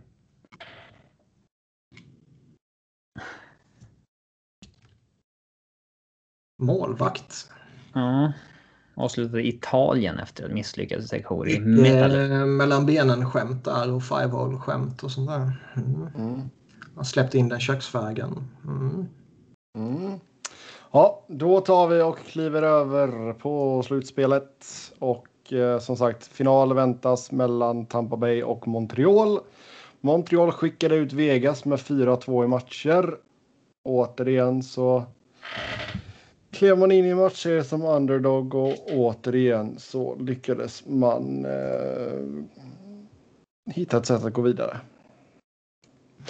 Alltså det är... Vi, vi pratade om det för, jag tror det var för typ två eller tre veckor sedan. Jag twittrade ut också. Det är så... Det är fan omöjligt att förhålla sig till Vegas. Eh, har de å ena sidan överträffat alla förväntningar som man kan ha på expansionslag? Ja, det är klart de har det. Har de även stått för choke efter choke? Ja, det skulle man kunna tycka. Vegas. Ja, Eh, man kan ju tackla det från många eh, eh, håll, men jag, jag tror inte att det ligger så mycket i det här att man var slutkörd från Ävs-serien. Det skulle jag inte gissa på i alla fall. Eh, Alltså har man ändå några, några gubbar som är lite banged up och sånt där eventuellt så kan ju en sån serie som där det verkligen är två, eh, två stora favoriter som går upp mot varandra. Det kan ju absolut sätta sina spår. ja, eh, men det kändes inte... eh,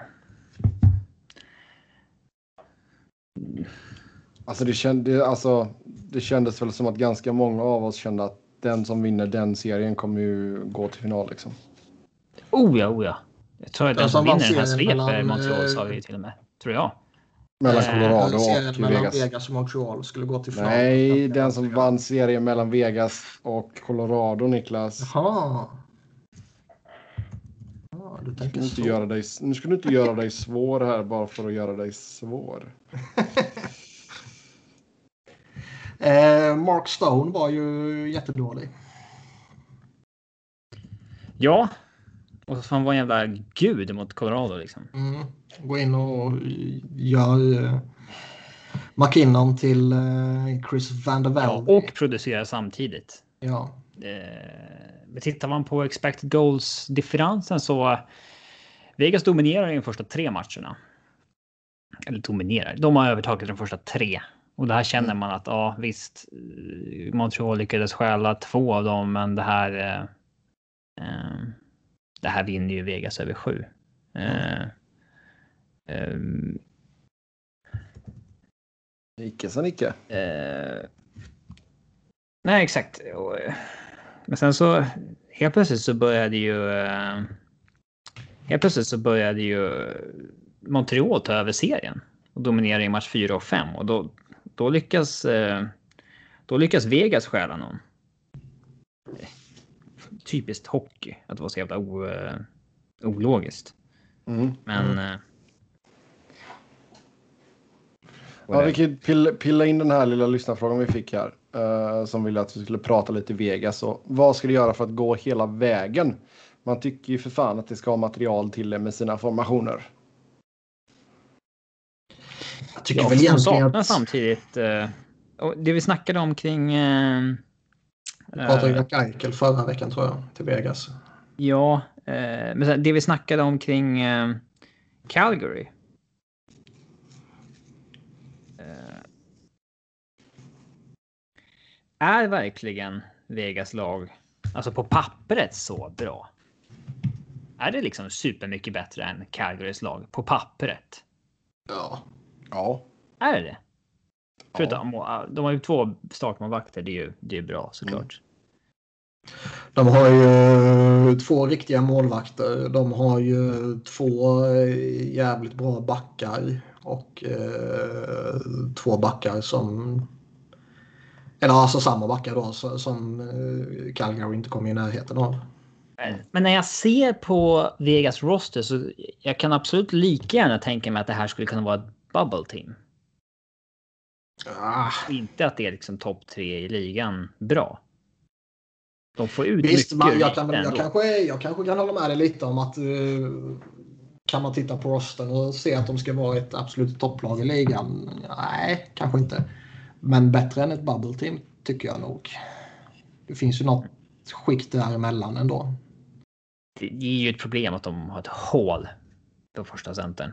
Man, får- man applåderar ju att de eh, något sätt såg ett värde i Chandler Stevens och tänkte att här är en spelare vi kan eh, ta, eh, trada till oss och en spelare som vi vi snackade om när de gjorde det om att de såg någonting större i honom som inte eh, Washington såg. Mm. Eh, och att de då ja, lyckas få ut det ur honom. Men det är ju lite som när Tyler Bosak spelade första center i, i Toronto. Att eh, ja, det är inte Det ingen styrkebesked. Eh, och där har de ett hål och det, det, det märks ju. Och framförallt när han går ner och de tvingas hitta Niklas Roy mellan eh, Stone och Pacioretty. Eh, Oh, ja. bara för att de jag ska ha någon som är bra på teka. Eh, Mm. Där sket de ju efter ett tag och satte upp Alex Tack i första linjen. Det var då dominerade de ju.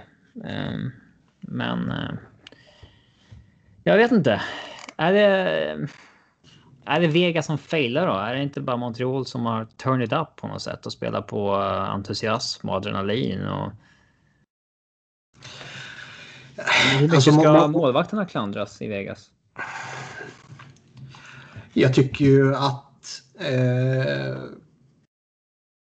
visst, Montreal har skruvat upp och visst, man kan absolut eh, dra en vända om att Montreal kanske i grunden egentligen var bättre än vad deras tabellplacering indikerade. Men när det är det sämsta slutspelslaget som slår ut vad blev Vegas näst bäst va? Eh, ja. Tredje bäst. Näst eller tredje bäst i alla fall. i alla fall. ja näst bäst. Och eh, då är det klart att man måste eh, förhålla sig på något sätt till att det bättre laget rent tabellmässigt har gjort något som inte är tillräckligt.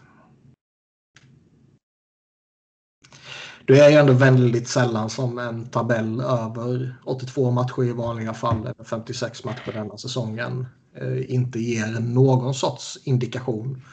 Oftast är det ju också eh, topplagen som faktiskt går hela vägen och vinner också. Då och då kan man se att något, något bubble team som snubblar in lyckas ta sig till, till final men det kanske inte alltid är så att man vinner den finalen.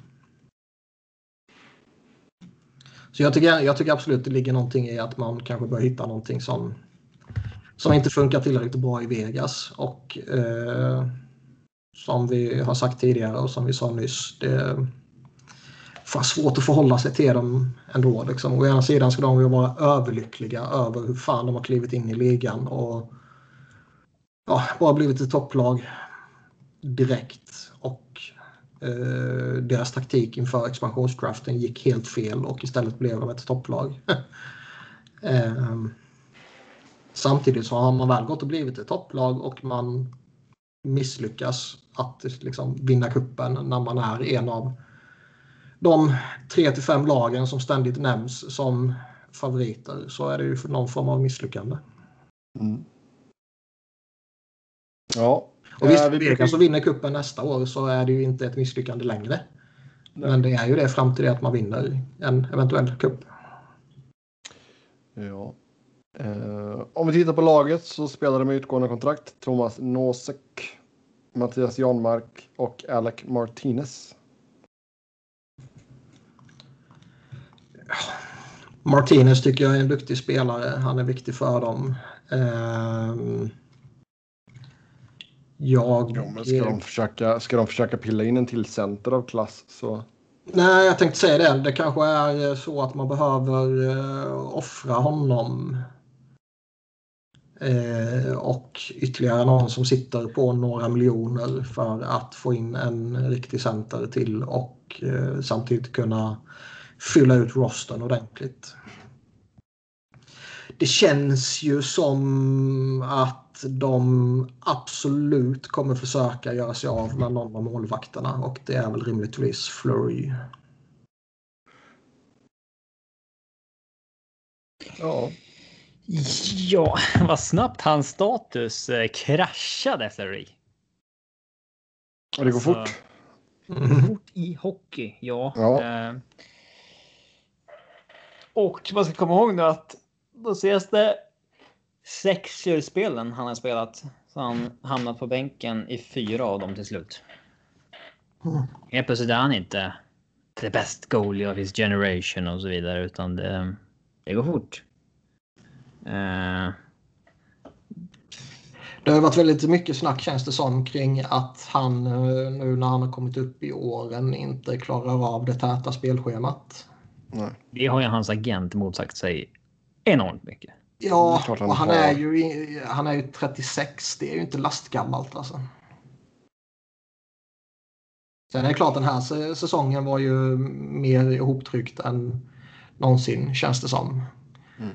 Och eh, de valde ju att vila honom eh, vid några tillfällen för att han behövde en paus helt enkelt.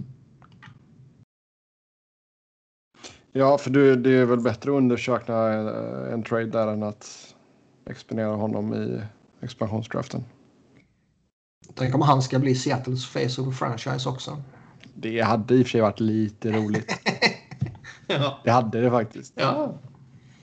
Eh, Men jag vet inte fan om om det är rätt väg att gå för Seattle på målvaktsposten kanske.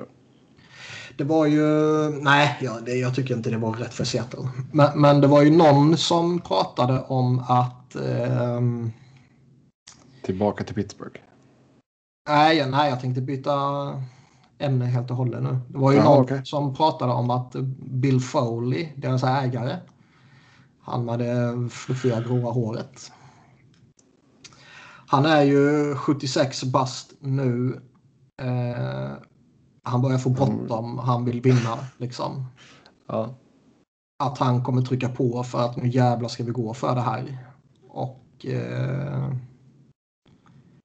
då är det ju rätt enkelt faktiskt att göra de här eh, Jack Eichel-kopplingarna. Mm. Jo men alltså säg att du kan skaka loss uh, Fleury. Du kanske får retaina någon mille på honom. Eh, men du får ändå se ut lite utrymme där. Säg hej Jag då till man- dina penning ja. UFAs. Säg man släpper loss 5 miljoner där kanske. Mm. Och sen så kanske man får låta Alec Martinez gå. Ja. Försöka hitta något billigt fynd istället. Och sen kanske man får... Eh, man måste ju betala för Jack Eichel givetvis. Så man kanske rimligtvis får släppa någon av sina bra eh, forwards också. Mm. En eh, Marchessault eller en Smith kanske. Eller Alex Tuche eller någonting. Det, Det bör ju inte vara något problem att trada Flurry med hans eh, status och bara ett år på avtalet. Det, nej, man tycker det. Nej men jag tror inte alltså. Är det något lag som vill ta hela den capiten? eh, ja, Du tror det alltså? Jag tror eh, man kan få det. Sen kanske man inte... Eh, sen kanske utbytet inte är jätteanvändbart. alltså, men i Vegas en fall handlar det om att skapa sig cap space. Det är ju det som är utbytet. Det är det som är Ja, en värdefullt. 10 team no trade list. Flurran. Ja. Kanske blir då. till uh, Pens nu då. Ja. De har en jävla cap crunch. De har ju förstört sitt lag fullständigt. Men ja. Detroit hade utrymme sa vi va? Ja, exakt. De skulle nog inte ha något emot att liksom ta en sån om han dumpades. Nej exakt. Men man skulle ju inte bli förvånad om de det som försöker plugga in det här centerhålet. Nej. Vad var med väl- systemet? Cody Glass? Ja, hans anseende har ju kraschat alltså. Clayton Creebs, kan han lira center? Ja, Oklart. Är han inte center? Jag vet inte. Han står uppsatt som center och eh, left wing. Cool. Men det skulle inte vara ett dugg förvånande om det ligger någonting i det här att eh, Bill Foley vill eh, hetsa fram någonting nu. Att man därför Nej, nej, center splash. Nej, nej, absolut inte. Och då är väl Eichel ett av de sexigare ska ju vara intresserade av Eichel om han är tillgänglig. Alltså, det är Ja. ju... Det är ju inte heller så att de har ett lag som... Han skulle ju passa in i deras åldersgrupp också. Mm. Eh, De har ju ett window på kanske fem år eller någonting nu när de kan vara riktigt bra med innan Petrangelo, Stone och Pacioretty blir för gamla. Och då passar Eichel in eh, jättebra. Mm. Det är ju logiskt på alla sätt och vis förutom att det finns ett lönetak. Men det går ju att skaka fram 10 millar även om de är i en cap crunch nu. Det går ju att... eh, Kunde de skaka fram utrymme för Pietrangelo så kan de fan skapa fram utrymme för... Ja, men det borde bli svårare för varje gång man gör det såklart. Eh, Absolut, men det har vi sagt typ i tre år kring Tampa nu. Ja, 10 år kring Tampa tror jag. Men eh, Nej, men alltså, han, dumpar man Fleury så är mycket, mycket vunnet där. Då är mycket löst. Ja, så länge du inte blir tvungen att ta tillbaka någonting eller retain allt för mycket så Ja, absolut. och I värsta fall, ja men det blir ingen jävla Alec Martinez. Utan det är bara rulla på det man har. Eh, Försöka fynda på något. Du, du får göra avkall på något annat om du... Alltså, om du ger upp en av två bra målvakter och din fjärde back typ. Eller tredje back. För att få in en Mm. första center så är ju det en rimlig deal. Ja. Mm. Oh ja. Men det, ja, det blir intressant att se ifall de löser detta. För det känns, Eich- kör Eichel Karlsson i topp 60 det låter väl ganska bra. Ja, Jack Eichel är bra. Ja, Ville Bill är bra han också. Ja, alltså. Att, ja, han är en bra andra center, William Karlsson. Han är en bra andrecenter och han Eh. har ett bra kontrakt. Men sen så vad skickar man till Buffalo i en sån trade? Det hade man spelat tv-spel så byter man ju. eh, Riley Smith. nej, Då slänger man ju upp eh, William Karlsson, ett första rundsval och en hygglig prospect. Så är liksom värdet utjämnat. Trading går igenom. Men varför skulle Buffalo gå med på det liksom? Mm. En spelare som inte kommer förlänga och. Eh, ja, hur bra? Eller ja, nu har ju Karlsson långt kontrakt som fan, men.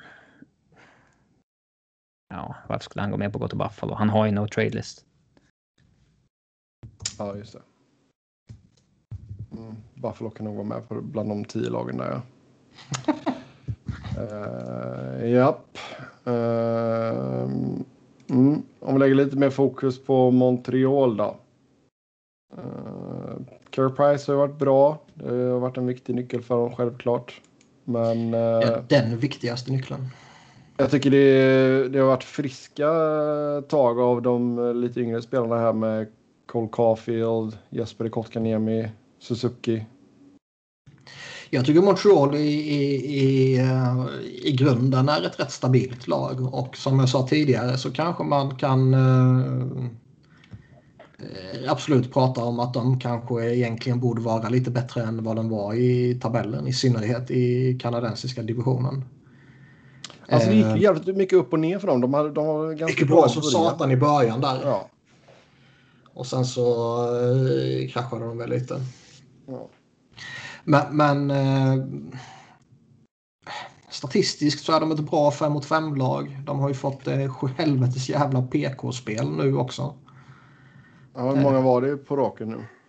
Det känns som det är typ 70 matcher eller någonting, men det är det ju inte. Men det är kanske jag vet inte, 50 utvisningar eller någonting. Det kanske alltså sen, du, har, du, är något ju, absurt i alla fall. du har ju en jävla fjärdekedja där också kan vi lugnt säga med Eric Stahl, Corey Perry och Joel Armia. Ja, men alltså, gre- hela grejen med Montreal är ju att du, de är ju ett stabilt 5 mot 5-lag, men de har ju ingen offensiv star power överhuvudtaget.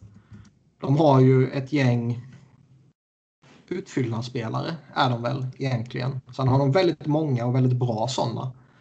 Men eh, de har ju inte den offensiva ledaren som väldigt många andra av lagen som brukar vara i final oftast har. Hur ser det ut? Tampa har ju typ dem. Ja, hur ser det Montreal, ut? alltså? Montreal, som sagt, stabilt 5-5 lag och så vidare. Men de lever och dör ju med Carey Price. Alltså målskyttet är ju jävligt utspritt. Du har ju fyra spelare på fem baljor vardera. Mm. Kotkaniemi, Suzuki, Tyler Toffoli eh, och uh, Armia. Men det är jag säger, de har väldigt många sådana som är bra. De saknar den där offensiva stjärnan eller två eller tre sådana som vissa lag har till och med. Och ehm, saknar man det så eh, krävs det att du är solid på alla sätt och vis och har en målvakt som är överjävlig. Det är ju typ så Montreal är. Ja. ja, alltså tittar vi eh, på Tampa lite snabbt. Vi kommer ju snacka mer om Tampa såklart. Men alltså, där har ju Kucherov gjort 27 poäng på 18 matcher. Hur är hans status, Kutjov? Han är inte skadad överhuvudtaget enligt han själv. Så det är, Kucherov har gjort lika många poäng som Toffoli och Suzuki som ligger etta och tvåa i Montreals interna poängliga. Alltså, det, är, det är ändå sjukt att han, eh, han eh, låtsas eh, missar hela grundserien.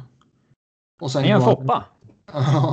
Fast Foppa var nog skadad på riktigt. Kutjerov Nej, han var inte skadad. Det var ju mer att han var trött på att vara skadad och ville vila ett år. Typ. Ja, så var det kanske. Eh, Men då fanns det inget lönetak och sånt där, så det var inget fusk på det sättet. Nu, nu, nu vet vi ju, det är ju obestridlig fakta, att, att eh, det här är en konspiration. Noll. Har du på dig foliehatten nu eller? Men liksom oavsett, eh, oavsett vilket. Eh, missa hela grundserien och sen gå ut och göra det här slutspelet som han ändå gör. Och om han fortsätter producera så kommer han ju landa på eh, rimligtvis liknande eller kanske till och med ännu bättre siffror. För han har bättre poängsnitt detta slutspelet än förra slutspelet. Eh, vad heter det? På, på, på den nivån som det var väl bara Gretzky och Lemieux som hade överträffat rent historiskt än vad han gjorde förra året. Ja. I och med att vi är inne på Kutjerov då så glider vi väl över till Tampas serie mot New York Islanders. Tampa vann efter sju matcher. Ehm, Så jävla Ja. viktigt. En serie som hade lite av allt kan man ju lugnt säga. Alltså jag tycker Islanders stod ju upp bra förutom match 5 när det blev total haveri verkligen. Tampa vann med 8-0 den matchen. Det var En av de största segrarna i slutspelet på, på länge liksom. Riktigt Ehm, fint att se. Riktigt fint att se. Men annars stod de ju upp väldigt bra Islanders får man ju säga. Det är klart att Islanders har gjort någonting bra när man har tagit sig så här långt två år i rad. Eh, med det sagt så är det givetvis oerhört viktigt att de inte är i final. Eh, det ska inte kunna gå att vara vägvinnande så tillvida att man tar sig hela vägen liksom, när det finns så, eh, så pass skickliga och bra lag eh, som man ställs mot på den hockeyn som de spelar. Den spelförstörande och tråkiga och äckliga skithockeyn. Eh, jag säger inte, den, Berätta, jag säger inte berätta hur du egentligen känner nu. jag tycker bara att de är så jävla tråkiga och hemska på alla sätt och vis. Ehm, som vi har varit inne på tidigare. Så det är all, alla, alla lag tar ju efter vad som är den heta trenden. Lite enkelt sammanfattat. Och skulle Islanders bli framgångsrika så tillvida att man går till final och man kanske vinner till final och så, och sådär så kommer ju den här jävla skiten sprida sig och vi måste få bort deras jävla spelförstörande moment och allt sånt skit de håller på med och utnyttjar att domarna är helt jävla värdelösa och inte tar utvisningar när de borde ta och så vidare. De har inte förstått att de är i underhållningsbranschen och det är de i för sig inte ensamma om men de är typ eh, i spetsen för det. Ja, fast det, det, i slutändan så handlar det om resultat och det har de ju fått till viss del. Till viss del ja, men tack gode gud inte hela vägen. Mm. Tittar vi på laget här så Penning-UFAs, Carl Palmieri som han tog in från uh, Devils. Vi, vi glömde säga ja. eh, rubrikerna på avsnittet som vi kom överens om innan vi började spela in. Ja, det här var ju en seger för hockeyn. Att eh, trots liksom, Tampas cap-problem och, och, så vidare så, eller cap-fiffel, så de står ju ändå för en positiv uh, hockey.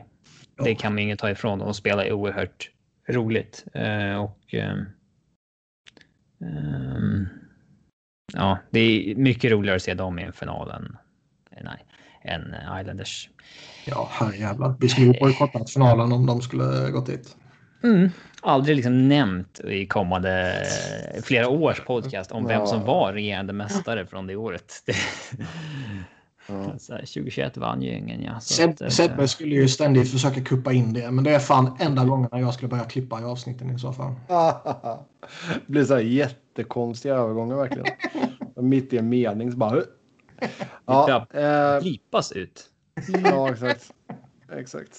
Men i alla fall, om vi tittar på Islanders, eh, de spelarna som har penning UFAs, Palmieri, Sajak, Sisikas, Coburn Green och eh, Corey Schneider.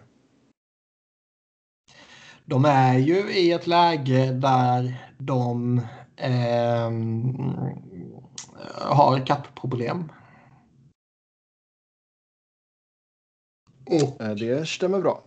Ja, och eh, vem vet, mycket kanske löser sig via expansionsdraften. Men det känns som att plötsligt är det väldigt många lag som hoppas om att pengar ska försvinna i expansionsdraften. Och det som vi har sagt tidigare, det är inte alla lag som kan Nej, alltså du får ju försöka köra någon bridge deal med Sorokin och Bevillier nästan. Uh, om, om det nu blir så att de inte blir av med en större lönepost. Ja, samtidigt så skulle det inte förvåna om det blir en lite kostnad där och Sisikas lär de väl rimligtvis vilja behålla och det lär väl bli en liten kostnad där. Adam Pellage lär ju få ett, eh, ett hyggligt stort kontrakt och, och plötsligt så har de lite problem. Plötsligt kanske de måste betala någon jävel för att ta något av deras sämre kontrakt eller plötsligt måste de göra en ny halvdan trade som de gjorde med Devon Toews förra sommaren. Mm. Eller hösten eller när fan det var när säsongen nu började. Eller det var för eller vad fan det var. Um, så de har ju lite att jobba runt omkring så att säga. Mm. Men det kommer ju inte bli några stora förändringar. De kommer ju köra på med det de har. Kanske kommer de tvingas eh, ge upp någon vettig spelare för att lösa löneutrymmet och kanske tappa någon vettig spelare till ja, Seattle såklart. Men ja, exakt.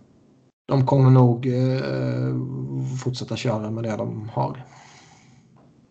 Mm. Det stämmer nog bra där. Ja, finalen då. Tampa mot Montreal. Um...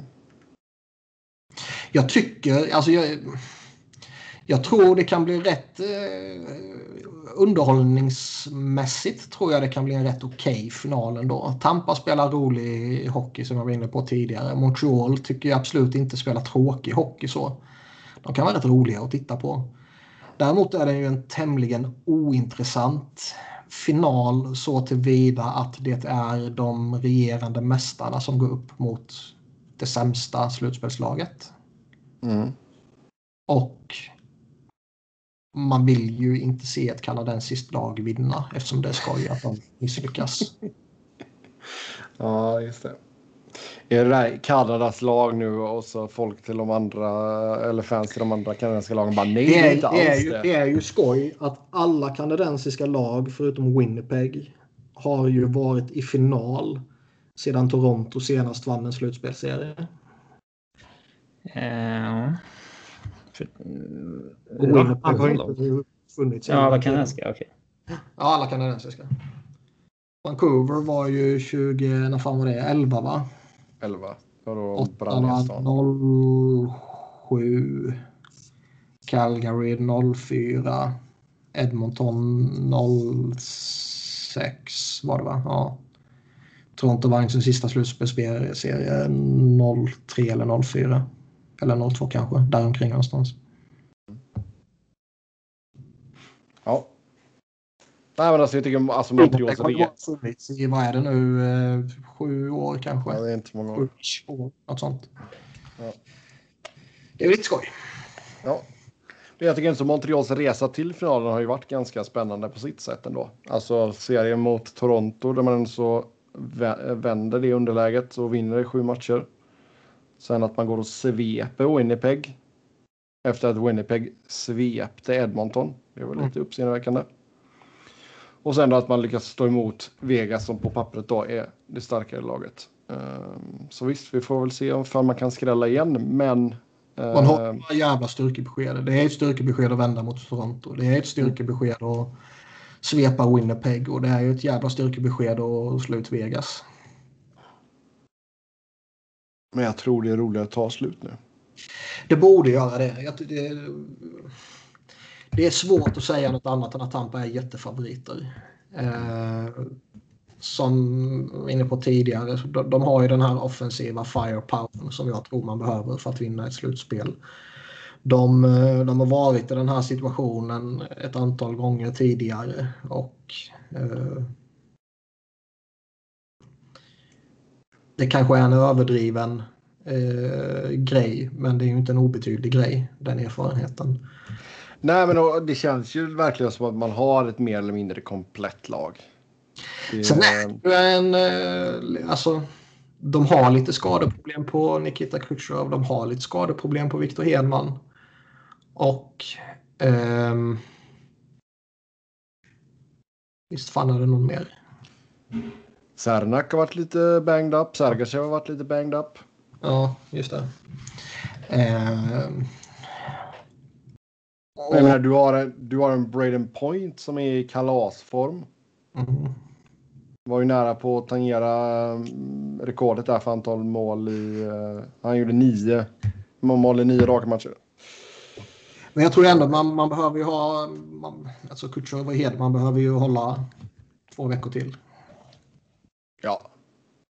Man kan givetvis vinna även om de två skulle gå sönder och försvinna helt och hållet. Men... Uh, det är klart underlättar om de är fräscha och bra. jo, oh, ja. Fan, ska Patrick Maroon gå och vinna tre år på raken alltså? Ja. Helvete vad alla kommer vilja värva honom till sommaren. Hans lever. ja. ja. Tror du man kör en repeat med eh, vattenskotrarna eller? Ja, det är det enda man kan göra. Ja. ja. Eh, om vi ska tippa då. Jag säger 4-1 i matcher till Tampa Bay. Eh, jag säger 5-1 igen. Nej, men det borde... Jag, jag tippade 4-1 i Bjurmans uh, stora finaltips. Uh, och det är så här, ja, Montreal var... Jag med. Uh, de var inte favoriter mot Toronto. De var inte favoriter mot Winnipeg i, i, min mening. och Nej, det var de inte. absolut inte favoriter mot Vegas. Då ställde jag frågan på Twitter. När senaste gången ett lag vann tre rundor när de var klar tydlig underdog. Mm. I rad. Eh, alla svar LA Kings 2012 och ingen brydde sig om att jag sa att nej, men jag, även fast de kom in som åtta sidor så tycker jag inte riktigt att de var det eh, mot eh, Framförallt ja, Phoenix i konferensfinalen, det. att de var en klar underdog där. Nej. De hade ju bytt coach till Daryl Sutton under säsongen och var ett helt nytt lag och alla var liksom överens om att eh, de inte hade lyft i tabellen så som de borde med att deras underliggande siffror var att det här är på väg att bli ett väldigt bra lag. Eh, vilket de var sen också i flera år. Så jag, jag kan inte hålla med om att de skulle vara en tydlig underdog mot Phoenix i den konferensfinalen efter att ha Eh, Nej, inte att de var tydliga underdog, absolut och, inte. Eh, slaktat Vancouver 4-1 i matcher. Det, det, det Nej, kan det, det, kan, det kan jag köpa att de inte var. stora underdogs där. Man är automatiskt inte underdog för att man är åttonde sid. Alltså i varje runda. Det är Mm. så. Kommer ni på något annat lag som har tagit sig till final på det här sättet i, i närtid som Edmonton 06? Det var det som är. äh, Inte 06, men eller jo, var det 06? Jo, 06. Nu har vi fått en lyssnarfråga här också som vi kan baka in. Äh, vänta lite. Uh, jaha. Ehm, det är Även om sannolikheten för att en sån underdog tar sig hela vägen till final och sen vinner finalen är eh, liten. Och man vill ju liksom, i, i finalen vill man ju i grund och botten se de bästa lagen gå upp mot varandra. Nu har ju NHL satt ett sånt jävla skitsystem där de möts i typ andra rundan flera gånger om de senaste åren. Eh, vilket ju är jävla skit. Men man vill ju se dem i finalen i, för att finalen ska bli så, så bra som möjligt såklart. Men det är ju ändå någonting som är lite uppmuntrande att man kan ta sig hela vägen även som ett bubble team. Om man är solida, man har lite flyt med målvaktsspelet, man, man får lite mer studsar och så vidare. Ja, det är klart. Eh, Ja, det, alltså, det hade varit jättetråkigt ifall det var ettan och tvåan i grundserien varenda år som möttes i final. Liksom. Mm. Sen kan man ju vända lite på det. Ja, men det, det är rätt många jag lyssnar på som pratar och som jag inte riktigt begriper vad de pratar om när de jämför lite med NBA. Där, eh, Det är vad som- basket tror jag. ja, det vet jag. Men det är så mycket som jag förstår. Men där jag tolkar det som att det är typ, eh, om inte hela tiden så i alla fall nästan hela tiden är de de facto bästa lagen som gör upp om titeln. Mm. Så är det ju inte alltid inom NHL. På grund av Ja, orsaker där liksom hockey är en jävla oförutsedd tur- sport som mycket baserat på eh, snedstudsar och tur typ. Men eh, det ger ju ändå hopp till eh, alla andra att man kan fan snubbla sig till final. Oh ja. Mm. Hockey är så jävla random alltså. Det är... Lyssnarfrågan vi fick in här. Montreal måste ju vara det sämsta laget på pappret i final på mycket, bra mycket länge. Oilers 06 kanske Jag tycker fortfarande att vi ska lämna finalen. Vadå? Sista frågor om finalen. Vad fan. Ja, Vi kan få gå och tänka på finalen. Men, nej, men eh, jag tycker inte riktigt vi ska gå vidare från den här finalen ännu. men Montreal är ju i final. Ja, Ja, och nu börjar du ta eh, om eh, gamla finaler. ja men det är ju fortfarande Montreal. Jag tar din jävla lyssnarfråga så får vi gå tillbaka till den här finalen sen då. Tack. Montreal måste ju vara det sämsta laget på pappret. Dåligt Bra i programledning final. dock. På bra mycket. Men om inte du avbryter mig så tror jag nog att det blir jättebra detta. Nej, jag vet fan. se. Jag är fortfarande arg över hur du fuskar och det bara tolereras i den här jävla tävlingen. Mr Smith, nu ska du vara tyst alltså. Uh, häll en till bourbon istället. Jag har bara öl idag faktiskt. Okej, ja, jag kör också öl. Jag kör en Köstritzer, Köstritzer Schwarzbier. Tydligen ska, det vara, tydligen ska det vara Tysklands number one black lager. Ja. Mm, Den, eh, Jag känner mig till Norrlands guld. ja, du vill vara det själv för en liten stund. Jag kollade faktiskt på, nu blir det sidospår här, men jag kollade faktiskt på någon sån här compilation på Youtube, såna här gamla klassiska eh, tv-reklamer. Då var den här Norrlands guldreklamen med när kusinerna kom från Stockholm. Riktigt fina faktiskt. Eh, det gjorde de bra. Och så är den här gamla, jag glömde inte av vilket ölmärke det var, men den med Robert Gustafsson. Har du fin öl? Ja, jag kommer Eh, inte ja. ihåg vad det var om. Ah, den är fin när han liksom ska filtrera sin fulöl. Ja, alltså. nej. ja, det var fint. Ja. ehm, är detta då det sämsta finallaget på pappret på bra mycket länge? Är det sämre än Oilers 06? Nej, inte sämre än Oilers. Jag måste fiskgoogla lite här nu. Var inte deras toppscorer någon som spelade i Södertälje sen? Pisani, eller vad heter han? Ja. Om han var toppscorer vet jag inte, men han var ju sån där uh, Han hade succéspelare. toppscorer-tröjan på sig.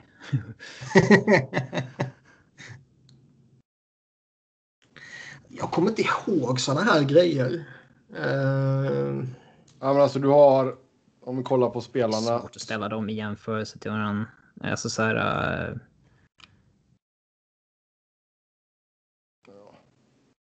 Det är ju inga jätteroliga namn. Men 05-06 säsongen och i synnerhet slutspelet var ju bara jävligt konstigt på alla sätt och vis efter lockouten där. Ja. Den, den, den, är ju, det är ju svårt att dra några paralleller till den säsongen faktiskt. Edmonton var ju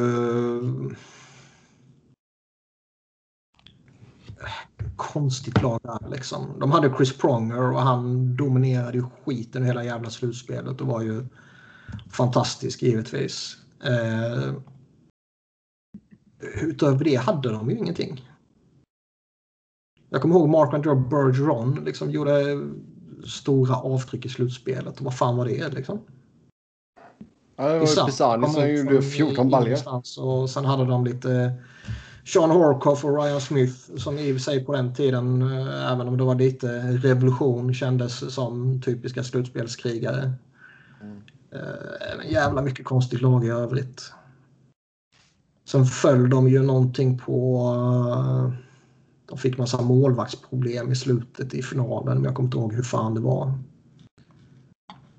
Men... Målvakterna som spelade i slutspelet var ju Dwayne Rollerson, Jussi Markkanen och Tyler Conklin. Ja. Men jag kommer inte riktigt ihåg. Alltså, ja, Conklin gjorde sex minuter. Ja. Och eh, som sagt den säsongen bara i största allmänhet är så jävla konstig så den, den kan man fan inte jämföra med. Nej. Annars kommer jag inte fan ihåg de andra. jag, jag, man vill minnas att de två finalserierna mellan Detroit och Pittsburgh två år rad där att de var underhållande. Ja, jag tänker mer på alltså, om det var något lag som på pappret. Alltså, nu har vi ju sagt att det är inte ett dåligt lag Montreal har på pappret, men det är inte fullt med superstars liksom. Förutom Carey Price och Shea Weber kanske. Mm. New Jersey när de var i final var ju ett tråkigt jävla skitlag. Ja, det är för sig sant.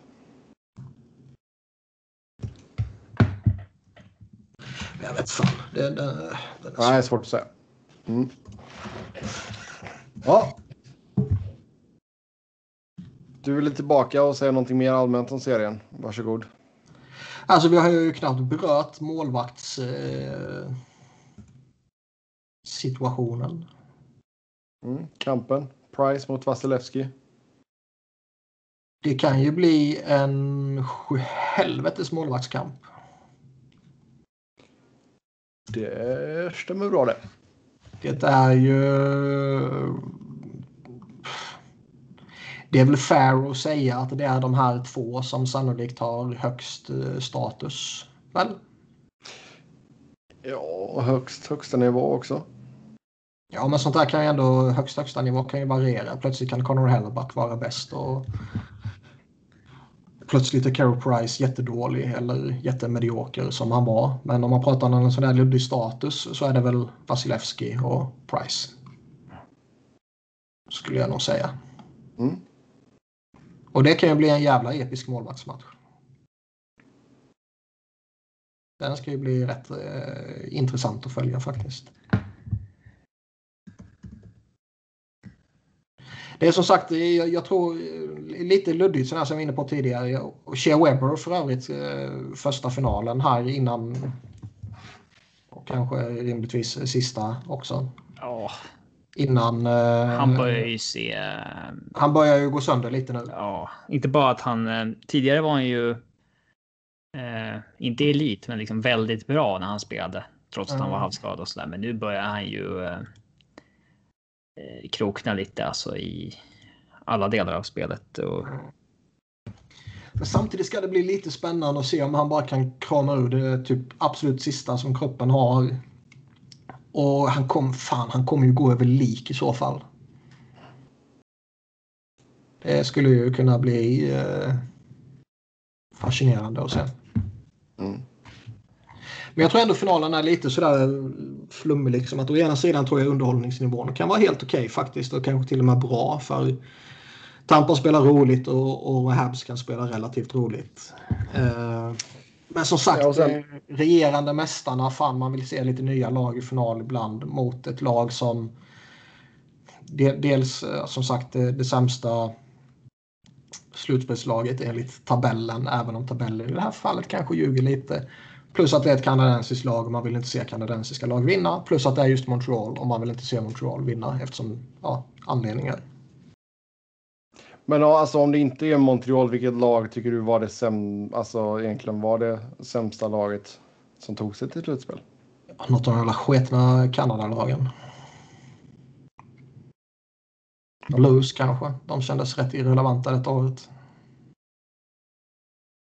Mm. Ja, eh, Philippe Danault har ju fått en del lovord för hur han har lyckats stänga ner motståndarnas toppspelare. Eh, hur tycker ni att Montreal ska matcha honom mot Tampa Bay? Eh, ja, det är väl bara att nämna någon av deras sju superstars. Nej, men du, slänger, alltså, du försöker väl slänga upp Det är väl honom mot konstigt om man inte sätter honom mot point. point, exakt. Eh, det, det, jag kan inte tänka mig något annat. Mm. Ja, det kanske blir viktigt just det där med sista bytet och sådär.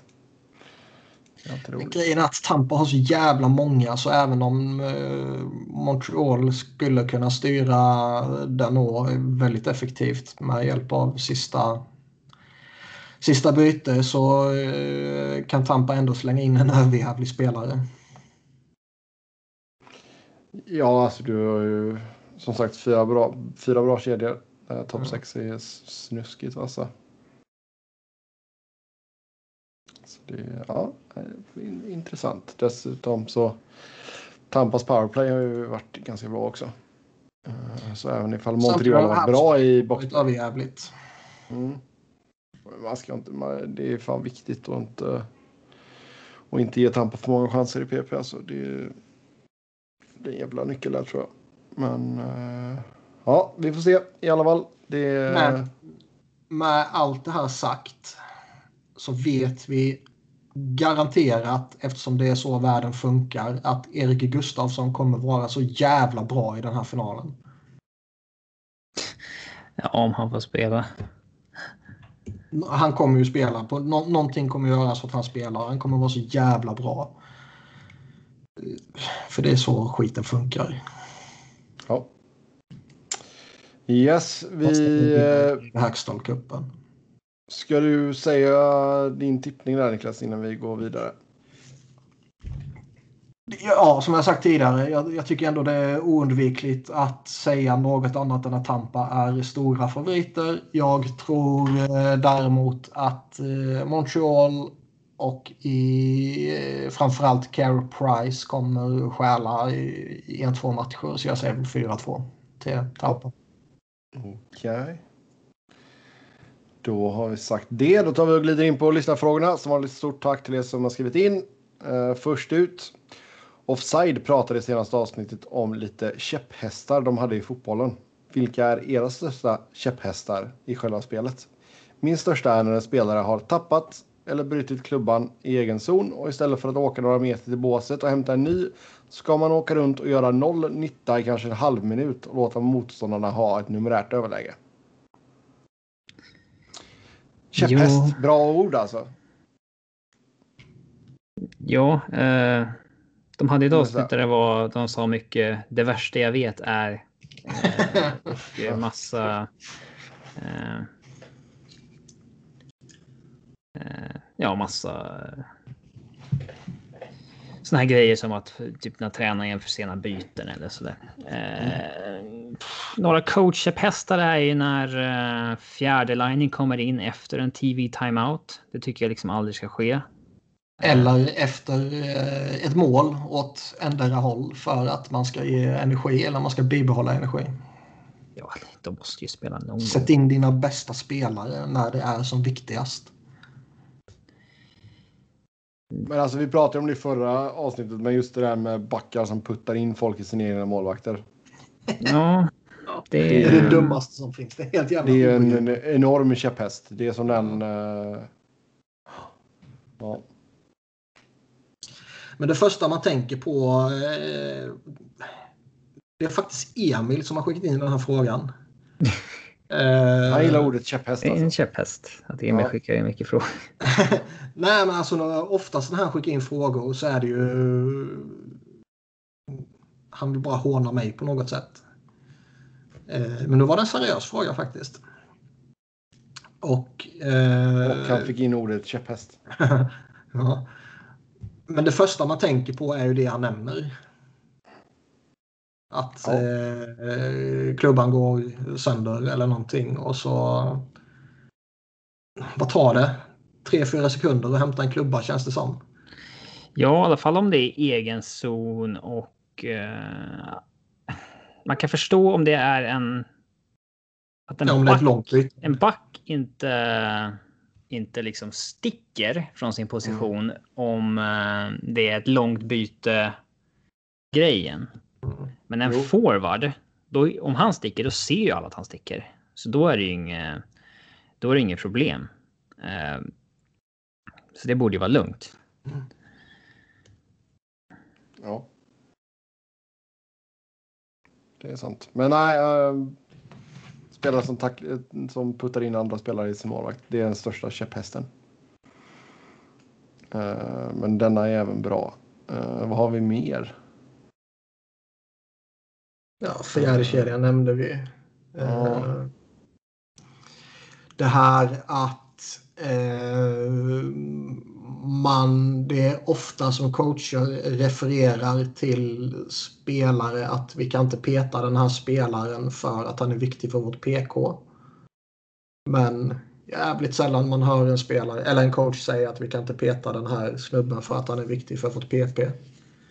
Utan det känns som att i PP kan man hitta andra lösningar. Men i PK är det så jävla viktigt att dåliga spelare spelar. Vad har vi mer? Alltså det här har ju bara varit den här säsongen. Men alltså just det med när tränarna tar av sig masken och gormar och sen så sätter på sig masken igen. Det är, det är en sån liten grej man kanske stör sig Den på. är ju svår. Lätt att förstå den. Dock. Ja, det är klart det är. Men alltså det är Jag pallar verkligen inte bry mig om maskerna. skit i att ha masken överhuvudtaget liksom i så fall. Niklas är en anti-masker från början. Ja, det, Ehm, det hör man på honom. ehm, Um, fan har vi mer? alltså det, fin- alltså, hade jag läst körschemat hade jag säkert kunnat skriva ner 20 stycken, men jag har inte gjort det. Nej. jag börjar tappa lite intresse för dagens podd. Uh, vi har eh, kört i... Vad fan, vi har kört svinlänge ju. Två och en halv. Nej, inspelningen är 2.13 bara. Ja. Eh, vilken är den mest roliga samt tråkiga finalserien ni sett? Roligaste finalserierna har varit när Kings har vunnit. Det är ganska lätt. Nej. Enkelt svar. Alltså 2010 är ju eh, å ena sidan en jävligt rolig finalserie eftersom ens egna lag var med där. Å andra sidan en hemsk jävla pissig finalserie eftersom man förlorade den. Ja, jo, det kan jag förstå. Eh, jag gled väl in lite på det här tidigare. Att... Eh, Det är sällan man är on topp, alltså liksom att hockeyintresset är på topp när det är finalserien. Om man har ett lag själv. Så, jag- alltså, om inte ens laget är med då så har man checkat ut en aning. Eh, det är inte riktigt eh, på den nivån. Jag kan inte liksom. Jag kan inte säga på rak arm om jag tyckte att den mellan Chicago och Tampa var roligare än den mellan Vegas och Washington. Liksom det. jag har inte så tydliga minnesbilder av dem. Um, jag börjar faktiskt jag börjar störa mig ganska mycket på i och med att jag har mitt Avs Twitterkonto nu och följer många personer där att det är så jävla accepterat i eh, Nordamerika att man bara Alltså det här med bandwagon, att eh, så fort ens eget lag åker ur så hoppar man bara på något nytt. Mm. Och liksom verkligen. Och, och, man håller på dem på samma nivå som om man hade gjort sitt eget lag typ. Inte bara att man sympatiserar med att de ska vinna utan att man verkligen blir en full on fan av det laget i liksom tre veckor eller så. Det är jävligt svårt för. Alltså. Många som hakar på, alltså så här, håller på Islanders och på uh, Havs och det är så här. Alltså, ni har ju inte hållit på de här lagen i 10-15 år och inte upplevt en enda jävla framgång. Ni ska ju inte sitta och tjuta av glädje på samma sätt som de som har gjort det. Alltså vad, vad håller ni på med? Liksom? Och sen bara överlag den här grejen att många håller på typ två eller tre lag, att det liksom är fullt rimligt också. Vad är det för? Eh, det är ett annat problem i sig, men eh, mm. att uh, verkligen.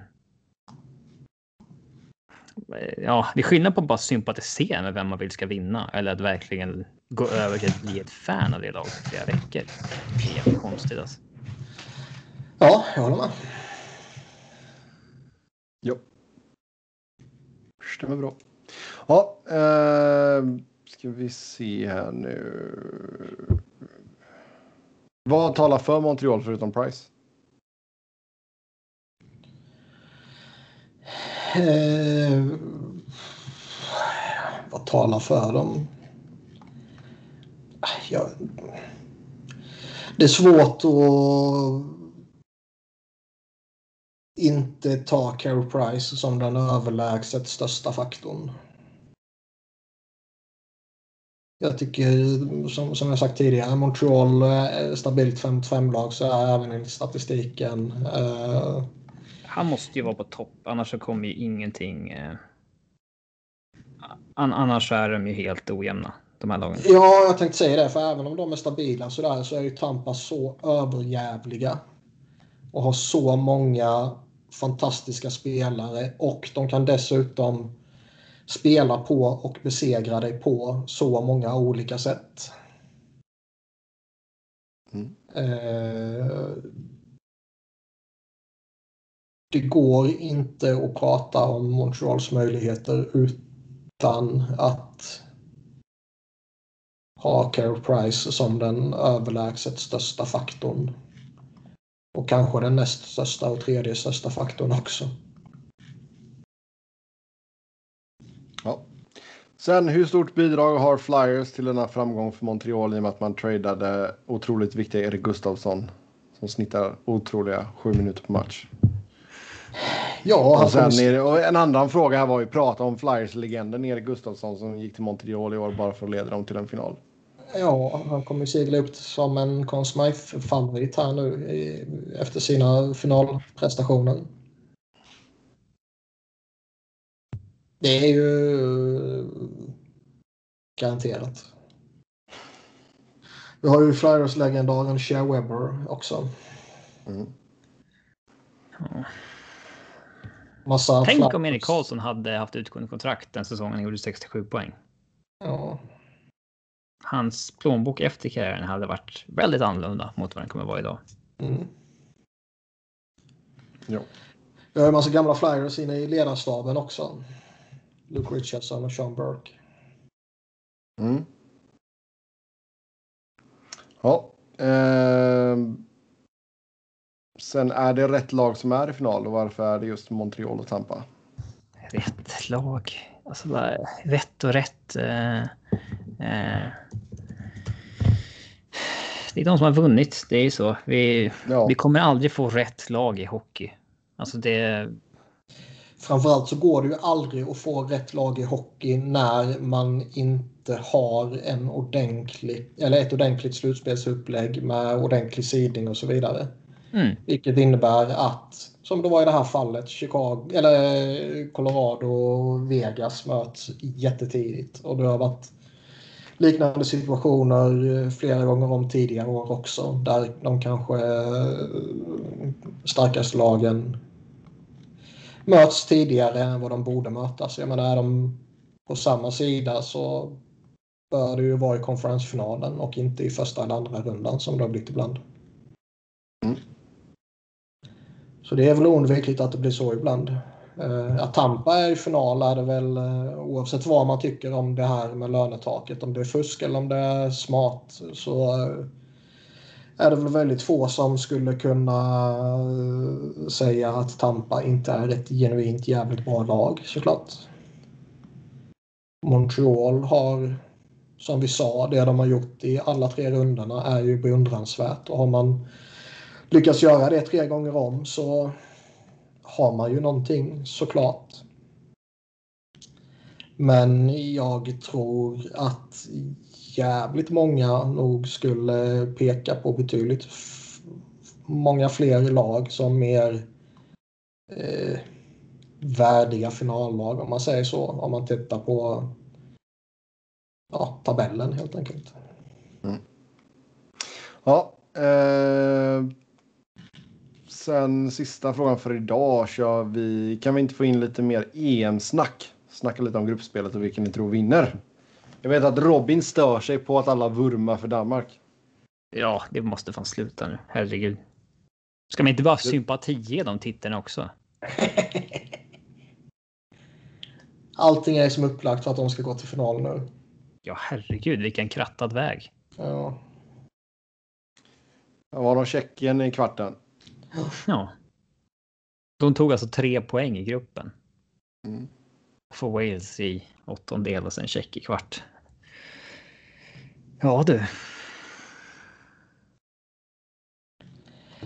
Det eh, är ju i alla fall eh, gött att Portugal är ute jävlar i mig vad det finns eh, spelare man inte tycker om i det jävla laget. Osympatiska helt enkelt. ja, visst.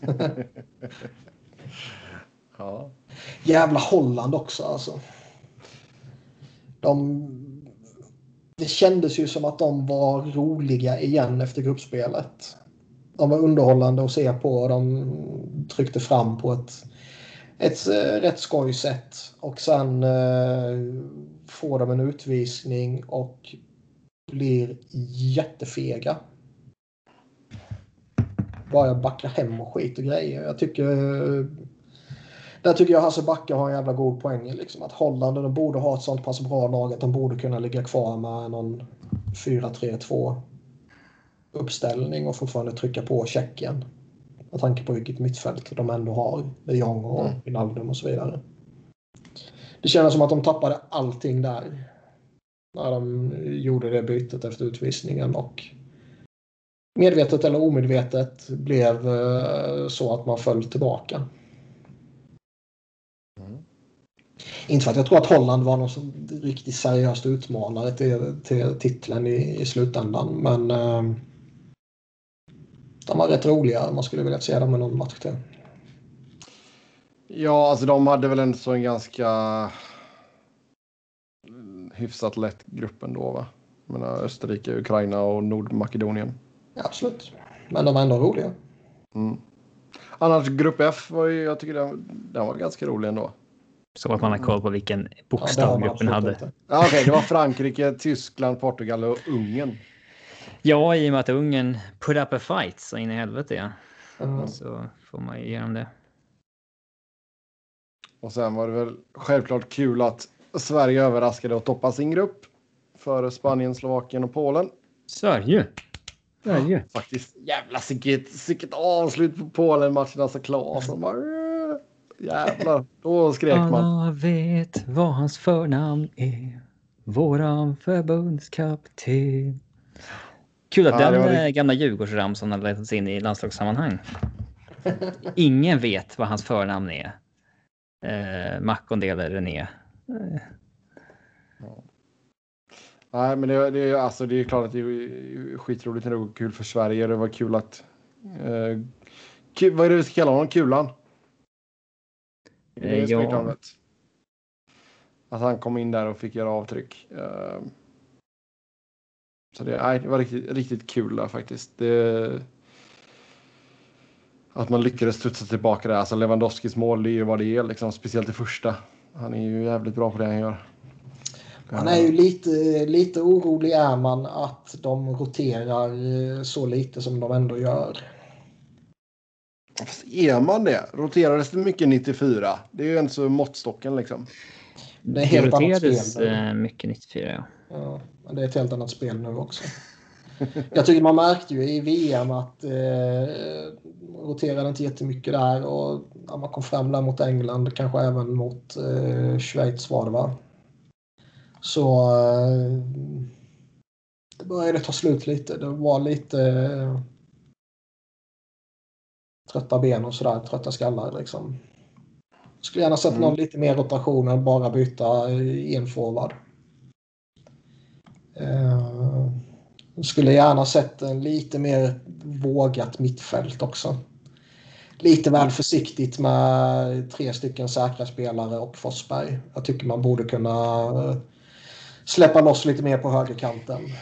Eh, Det är ju lite... Om jag fick förbättra någonting, då är det att man hade velat ha en bättre spelare bredvid Albin Ekdal på mitten. Jag tycker att alltså Kristoffer Olsson gör ju det bästa han kan. Eh, eh, men eh, där hade det behövts någonting som var en hylla högre. Mm. Jag, jag vet inte om jag är biased eller sådär när, när folk... Eh, jag, jag tycker inte man kan eh, klandra liksom Marcus Danielsson för att han gör ett misstag på tre gruppspelsmatcher mot Lewandowski. Liksom det, det får man ändå köpa på något sätt. Eh, Få misstag. Han går bort sig mot Spanien också. Ja, ja exakt. Det, det är det ju. Eh, ja, men där tycker jag, alltså, ett- jag hade alltså, andra positioner före där i alla fall. Jag tycker Jag inte hade lika väl mittbacksparet kunnat köra med Pontus Jansson. Nej, Danielsson är bättre. Men eh, det var lite tråkigt att Slovakien klappade ihop så fullständigt här mot Spanien. Eh, Varför det? Ja, men att, det hade varit gött ifall de hade hållit ett kryss mot Spanien alltså. Spanien är så jävla irrelevanta numera. Ja. Jävla Annars, konstigt. Eh... eh, Enrique alltså grupp D, England toppade, men de har inte sett jättebra ut ändå. Eh, och så Kroatien, Tjeckien och Skottland bakom. England. Eh... Jag tycker Gareth Southgate verkar vara en... eh, en mer eller mindre faktiskt perfekt liksom, representant. Den delen av förbundskaptensjobbet. Han verkar vara en rätt eh, vettig snubbe i största allmänhet. Lite hur man hör när han tar ställningar kring saker och ting och sådär. Däremot gör ju även han konstiga saker i laget alltså. Hela den här grejen med Alexander Arnold är ju konstig liksom. Att man inte lyckas hitta en plats. Nu vet jag han är skadad, men innan dess. Mm. Att man inte lyckas hitta en plats till honom i en startelva är ju jävla underbetyg. Han är ju så pass framträdande så det måste man ju lösa på något jävla sätt. Eh, I vanliga fall i alla fall. Sen har jag haft lite formsvacka givetvis. Det är också konstigt att man har två jävla bra vänsterbackar i truppen men man väljer att spela en högerback som vänsterback. Han har en svår situation med Harry Kane också där Kane faktiskt har varit dålig. Men kan man peta honom?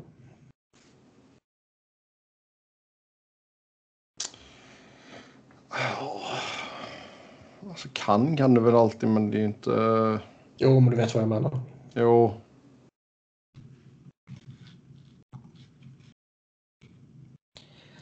Sen är det ju klar, såklart nu att eh, Bukayo Saka måste ju lira såklart.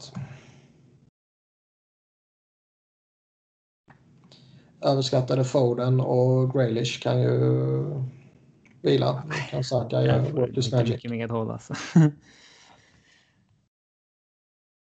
Ja, han var bra. Bäst när han väl spelade.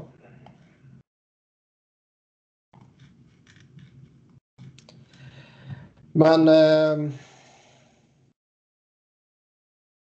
gött Portugal är ute. Tråkigt Holland är ute. Eh, blir förmodligen en jävla match på Wembley här på tisdag.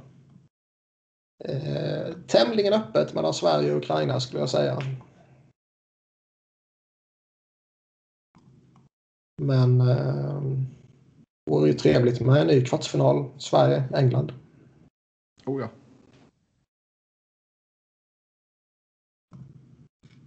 Annars vet jag inte om jag har så mycket mer att säga om igen för tillfället. Nej. Då tar vi och tackar för oss för idag. Som vanligt så kan ni köta hockey med oss. Eller kanske fotboll också om ni känner för det. Via Twitter. Mig hittar ni på Norden, Niklas på att Niklas Wiberg, Niklas med C, Wiberg med enkel V, Robin på R underscore Fredriksson och podden på SV Fans NHL podd, podd med ett D. Tills nästa gång, ha det gött. Hej!